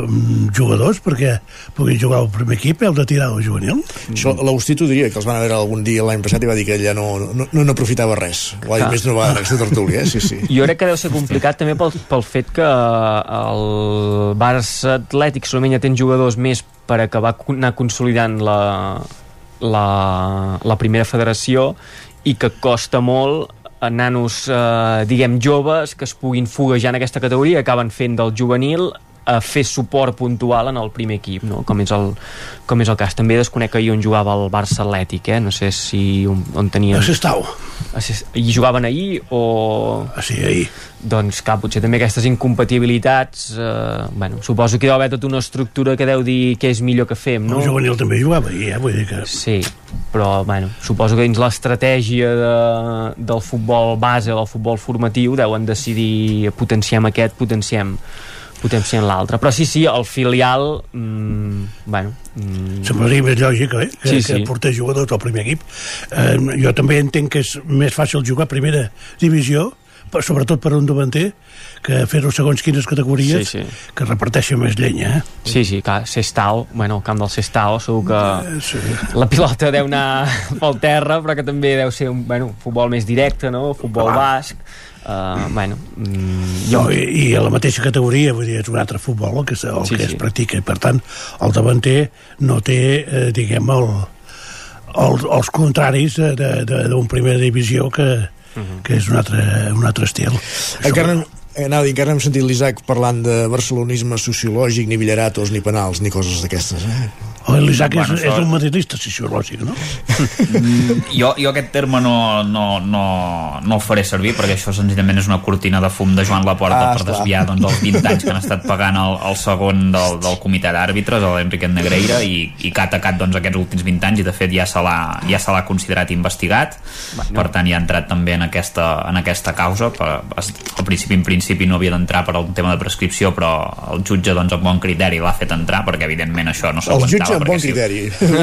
Sí, el, teu, el teu criteri. El fiscal, perdó. Uh, en, en, perquè en tot cas això ja venia de l'època de, de Núñez i Gasparov. De fet, ho va dir el mateix la porta, no, no m'ho estic inventant, ho va dir ell. Vull dir que si ja venia d'aquí i ell va reconèixer que es feien aquests pagaments, perquè ho va reconèixer que es feien aquests dossiers, que després hi ha alguns entrenadors que no ho han vist en la seva vida. Estàvem parlant del Sevilla Martino, Madrid, no? M'ha semblat, però vaja. En fi. No, no, ara, ara vaig pel Sevilla Madrid també. Però, però no, no parlaré jo d'aquaixò d'aquest terme, que no penso utilitzar, Barça, perquè... Madridisme sociològic, ja ho diem nosaltres. Sí, perquè és, és, és una falsetat i una cortina ah, sí. espectacular. I, I sobre el partit, evidentment, queda desmuntat perquè l'atracament arbitral de, del dissabte arbitral. va ser va ser escandalós, vull dir, dos gols anul·lats, el segon és incomprensible que l'anul·la. El primer, jo ja, ja tinc dubtes dels fores de jocs, eh? però, però el que és el, el que és el segon gol um, és increïble que no xiula, si no xiula és que no pot, no pot anul·lar aquest gol, és impossible per tant, el partit aquest l'hauria d'haver guanyat el Madrid, ja ho va dir Ancelotti, de, bueno, no ho va dir-ho perquè va pensar, dic, calla, perquè no, no sigui com, ironia, no? com, li, com li passarà com li passarà poder a, de, a, a, David, a David Garcia del Girona per, per parlar allà. I, i en aquest cas es va mossegar la llengua però jo crec que algú del Madrid hauria de sortir i donar un cop de puny sobre la taula i, i posar-se una mica seriós amb aquest tema. I, i, ara la gent dirà ah no, però ara el Madrid es queixa els arbitratges la setmana abans del Clàssic perquè els àrbitres els hi facin més cas i... Nacho. No, no, no ens... Nacho, Nacho què, Nacho, a veure. No, però a veure, és que Na Nacho no. és que l'any pas passat Gabriel Paulista de, del del València, eh, tres partits li van caure per una entrada molt pitjor a Vinícius i també li van rebaixar dos i, no, i aquí, aquí, no aquí, el, aquí el tema és aquí fa l'entrada, no, Isaac? Aquest és el tema. Però és, que, però és que hi havia gent del Barça que deia no, és que uh, ara està sancionat els mateixos no. partits que en Porto estigui lesionat en Porto estava convocat el següent partit o sigui que hauria d'haver estat sancionat zero partits no, doncs no. un partit, dos com a molt però no és una entrada que jo la vaig mirant però... sí, vale, és un error, però no, però no és una entrada tampoc que, però... que, que el mati no Aquí... és una entrada que vagi al, no ho sé jo no, l'errada potser a vegades és que s'estigui sancionant pràcticament més eh, unes paraules o unes declaracions que unes entrades, no? O tocar-se dir... Bueno, això evidentment, mm. això evidentment però, ostres, és que no sé, jo cada cop el col·lectiu arbitral penso que està molt devaluat aquí a Espanya, eh? són molt dolents els àrbitres sí. eh, d'Espanya, molt és terrible, és que jo crec que un àrbitre de, que arbitri el coll sospina com diu en Lluís ho faria millor hem de convidar el coll sospina no, és, és, que, és que és veritat, eh? segur, segur segur que ho faria millor, perquè són molt dolents mm. molt i, o, sigui, està bé, eh, però lo de, lo de... O sigui, parlaves de cortines de fum, jo crec que aquí ara també n'estàs eh, tirant una, perquè el, el Madrid el cap de setmana amb el Sevilla bueno, jo crec que el Sevilla va competir un molt bon nivell i que també el Madrid podia haver perdut el partit perfectament, no? perquè hi ha alguna rematada, em sembla, al travesser, hi ha algunes intervencions importants del, del porter del, del Madrid, per tant... Bueno, i el Madrid també podria haver guanyat el partit sí, a la primera part, però vull no? dir que no va ser un atracament i... El, el, no, no, i ara, no, no, no. no. El gol anul·lat, jo, jo diria, bueno, hi ha un peu i, i si es tiren línies era fora de joc. Ara, el que jo trobo incomprensible és que l'àrbitre parés el, el, el partit sí, quan sí, sí. l'equip ja havia començat el, el, el contraatac. És que és increïble, I això. Això, això, això per mi és una errada que, que aquest home, allò que... Bueno, i el penal, perdó, que m'havia descuidat del penal a Vinícius que és claríssim, això, o sigui... No, això no ho vaig veure. Bueno, Vinícius... Home, és, és claríssim, és, un, és una empenta claríssima, o sigui... Vinícius però, però té un historial important, eh? De Guillem, és, és penal és penal claríssim. No, o sigui, no m'ho diguis, si plau això, no m'ho diguis, eh? Ja sé que vens molt eufòric del partit d'ahir, que sé que estàs molt eufòric, no. perquè vas anar al camp, però si plau, eh? Sí, no... No, no m'obliguis a marxar de la tertúlia. Ningú t'obliga, eh? Si marxaràs, serà, Ho faràs- si marxes, ho faràs suet. El que és increïble és aquest, aquest individu, perquè no es, parla, no es pot parlar de persona, que es va deixar fotografiar fent el mono davant, Ah, sí? davant del Sí, Vinícius. Després no hi ha racisme, eh? Als estadis i, no, i, i bueno, és un altre. és que, ja, clar. Isaac, ningú ha negat que no hi hagi racisme. El que no es pot pretendre... No, no, ja ho sé, aquí no. El que no es pot pretendre Aquí és que no. l'únic racisme que hi hagi sobre, sigui sobre el Vinícius. Aquí no, però després hi ha I equips que et surtin diuen personatges que no funestos eh, eh, amb, amb temes de, de drets humans com poden ser Florentino Pérez parlant de racisme fa certa vergonya, ho sento, s'ha de dir també Bueno, Florentino Pérez, ostres, no sé, en què, en què ha faltat els drets humans a Florentino Pérez? En tots els respectes, eh? Quina No condemna té? eh? No, no ho sé, no ho sé. Clar, és que... Va. Bueno, no, no. No, això, lo de, lo dels... I la porta, doncs, clar, és que... No, no, no, no, no, la porta. No, el del racisme realment eh, i, i eh, posar en valor també la reacció del Sevilla, no? que de seguida el van localitzar Sí, sí. i el van treure fora i crec que és la, el que s'ha de... I a més va vestit de blanc perquè el vegin més. Eh? Sí, sí, bueno, és que i més ara, a dia d'avui amb les càmeres que hi han per tot arreu i tot, és que ha, hi, ha, és... hi ha coses incomprensibles. Sí, sí. Ara, eh, jo, mm, jo ho miro que si el, el partit hagués estat eh, Sevilla-Barça i us fan això, en aquests moments estaríem parlant d'una Sí, sí. injustícia arbitral eh, increïble, perquè ja dic, el, el primer gol hi ha, hi ha un, una, un peu que, que està en, en fora de joc, d'acord. Ara, el, sí. el segon, una vegada iniciada la jugada, iniciada el contraatac, això, això és, és autènticament increïble, i a més el, el personatge aquest, l'àrbitre aquest, que, que no, no, no, sé, no, no sé què s'explica després. No sé quins sí, sí. arguments eh, em dona per, per suspendre això. Ah, i l'altra cosa, ja que parlem d'àrbitres, un àrbitre que estigui insultant els jugadors, Ah, sí. això... no, jo al revés sí que ho- hi ha algun cas que conec però hosti, i és que es veu que aquest, aquest eh, personatge es veu que ja ha estat denunciat altres vegades per insultar els jugadors Ara parlem del partit del Girona, eh? Sí. Sí, però, Sí. sí. però bueno, és, parlem dels àrbitres també, Sí, sí, eh? sí, i tant. Sí. O sigui que un àrbitre menys pre i insulti els jugadors, mm, Sí. això encara no ho havia vist mai. I, i llavors també el corporativisme arbitral, no? perquè ja, ja es van afanyar a dir que havien revisat els àudios de, en els micròfons que porten i no sé què, i que no es, es detectava que cap els passin. Cap insult eh, cap, eh, de l'àrbitre cap als jugadors. Aviam, mm. perdona'm, eh, No, no, no. si tu dius eh, a l'àrbitre li dius que és tonto, sí. home, eh, un insult molt gros tampoc ho és, però eh, et sancionaran per dir això. Segur. Doncs si l'àrbitre va dir que tu, tu, tu ets tonto, mm, no ho sé. Bueno, i David López, que mm, vull dir, sí que és, un, és central i tot el que tu vulguis, però jo el tinc com un jugador força sensat, David López, i, força, vull dir, amb la seva experiència, que tot i mm, que en el moment en què li fan les declaracions és el descans que pot tenir allò a la sang calenta, que és un jugador amb, amb una experiència, amb una trajectòria, amb unes vivències amb, impressionants en el món del futbol, que perquè arribi a dir això jo crec que algú hi ha d'haver, vull dir, no, no crec No, està que clar. sigui tan allò perdillo per mm, inventar-s'ho o per imaginar-s'ho i a més a més com ho referma no? que diu ja no és la primera vegada ja...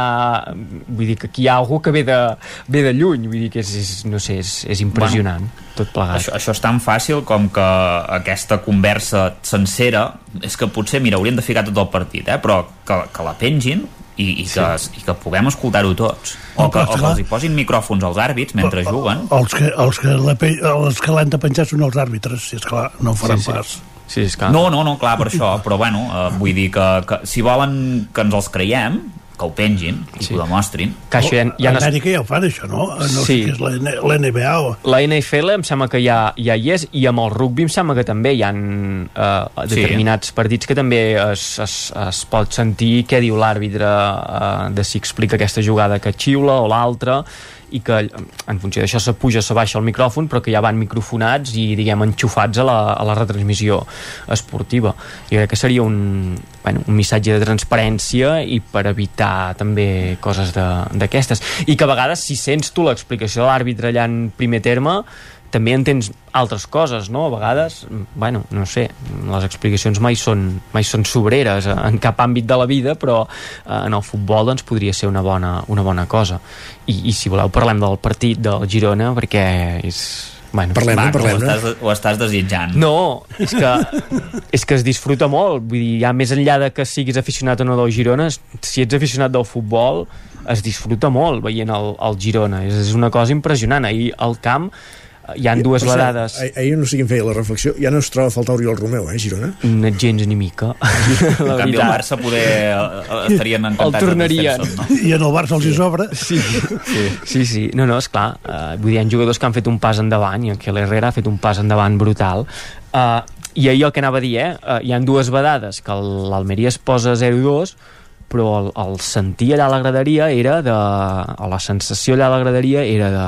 hòstia, calma perquè això, a- aquest partit es competirà segur i es competirà segur. I, i així va ser, vull dir, a la que el Girona va començar a encadenar quatre passades seguides um, bueno, la confiança va anar en augment, arriba el primer gol, arriba el segon, um, i llavors el, el joc que fan, combinatiu, quan no és combinatiu se'n van per les bandes, quan no tens lo de les bandes tens un davanter centre que t'aguanta d'esquenes, uh, en defensa doncs també funcionen perfectament, ostres, és, és, bueno, és, és un gaudir veure, veure jugar el, el Girona, no sé quan durarà, no sé quan s'allargarà, però jo crec que és bueno, un petit privilegi que tenim a, a tocar de, I en de... Mitchell encara parla de permanència o no? ahir ho va dir, que, que el primer objectiu era consolidar, ell sempre diu consolidar el projecte del Girona primera Mm, Bueno, jo ho dic Ai, perquè home. té un punt més que el Barça. Sí. Jo no sé si el Barça aspira a consolidar no. a, a, a consolidar-se primera, no? ja, però ja, Si sobreentén que el Barça és una cosa que... entenem les realitats diferents també hi ha una cosa, clar, ara eh, arribaran partits de Copa eh, la temporada va, va avançant i potser arribaran doncs eh, lesions el Girona està jugant amb 13 14 jugadors. I d'aquests 13-14 els dos últims normalment són jugadors que surten o de revulsiu o acabar de, de matar el partit. Uh, Porto, Valèria i que va sortir. Uh, hi ha jugadors que han debutat com Joan Solís que és el mig centre suplent en teoria. Clar, quan tot això hagin de sortir al terreny de joc segur que els resultats baixaran i disminuiran. Tenir un bon coixí mm, ostres, Veurem què fa la Copa. Clar, la Copa també què, què s'ha de fer la Copa? avançar, no sí, però avançar? no té, no té competició europea, que això és important. Jo, hi ha una dada que ahir em va sorprendre, que és que els equips que han sumat més de 25 punts a les 10 primeres jornades d'una temporada en la Lliga, això segons en Mr. Chip, sí. uh, 10 vegades ho va fer el Barça, 6 al Madrid, 4 a l'Atlètic de Madrid i el Girona la temporada 2023-2024, és a dir, aquesta, i aquests equips van uh, acabar 13 vegades campió, 5 vegades subcampió i una vegada tercers, és a dir, en Champions. Sí totes I, i, i jo el que vull saber és on Guillem quan li vaig enviar el missatge al descans que anava guanyant 3-2 dient que si serien campions de Lliga si vas pensar que ho remuntava l'Almeria no, no, Ah, vale. No, no, és que a l'Almeria, a la, No- a la no que li van, a la que li van capgirar el resultat eh, va desaparèixer. I, I llavors també hi ha un altre factor, que és el, el mercat d'hivern. Vull dir, el mercat d'hivern al Girona no sé si li fitxaran algú o no, però que li vindran a tocar jugadors o algú s'interessarà, perquè és clar tens un Sigankov internacional amb Ucraïna que està fent unes temporades brutals, eh, tens a Dobvik doncs, que també està tirant, tens un Aleix Garcia que, que és estratosfèric el, el joc eh, que, que està desplegant i que equips una mica superiors al Girona segur que els vindran a, vindran a demanar eh, és que estic parlant fins i tot a nivell europeu eh? i per allà a la grada es deia el Bayern de Múnich s'interessa per, per Sigankov per aquest, el, el jugador ucraïnès. Clar, són cremalets en el mercat. A Europa, no, no ho sé, però eh, a la Lliga Espanyola difícilment hi ha cap equip que estigui en, en disposició de pagar la quantitat que hauria de, de rebre el Girona per un jugador eh, que en, està en aquest estat de forma.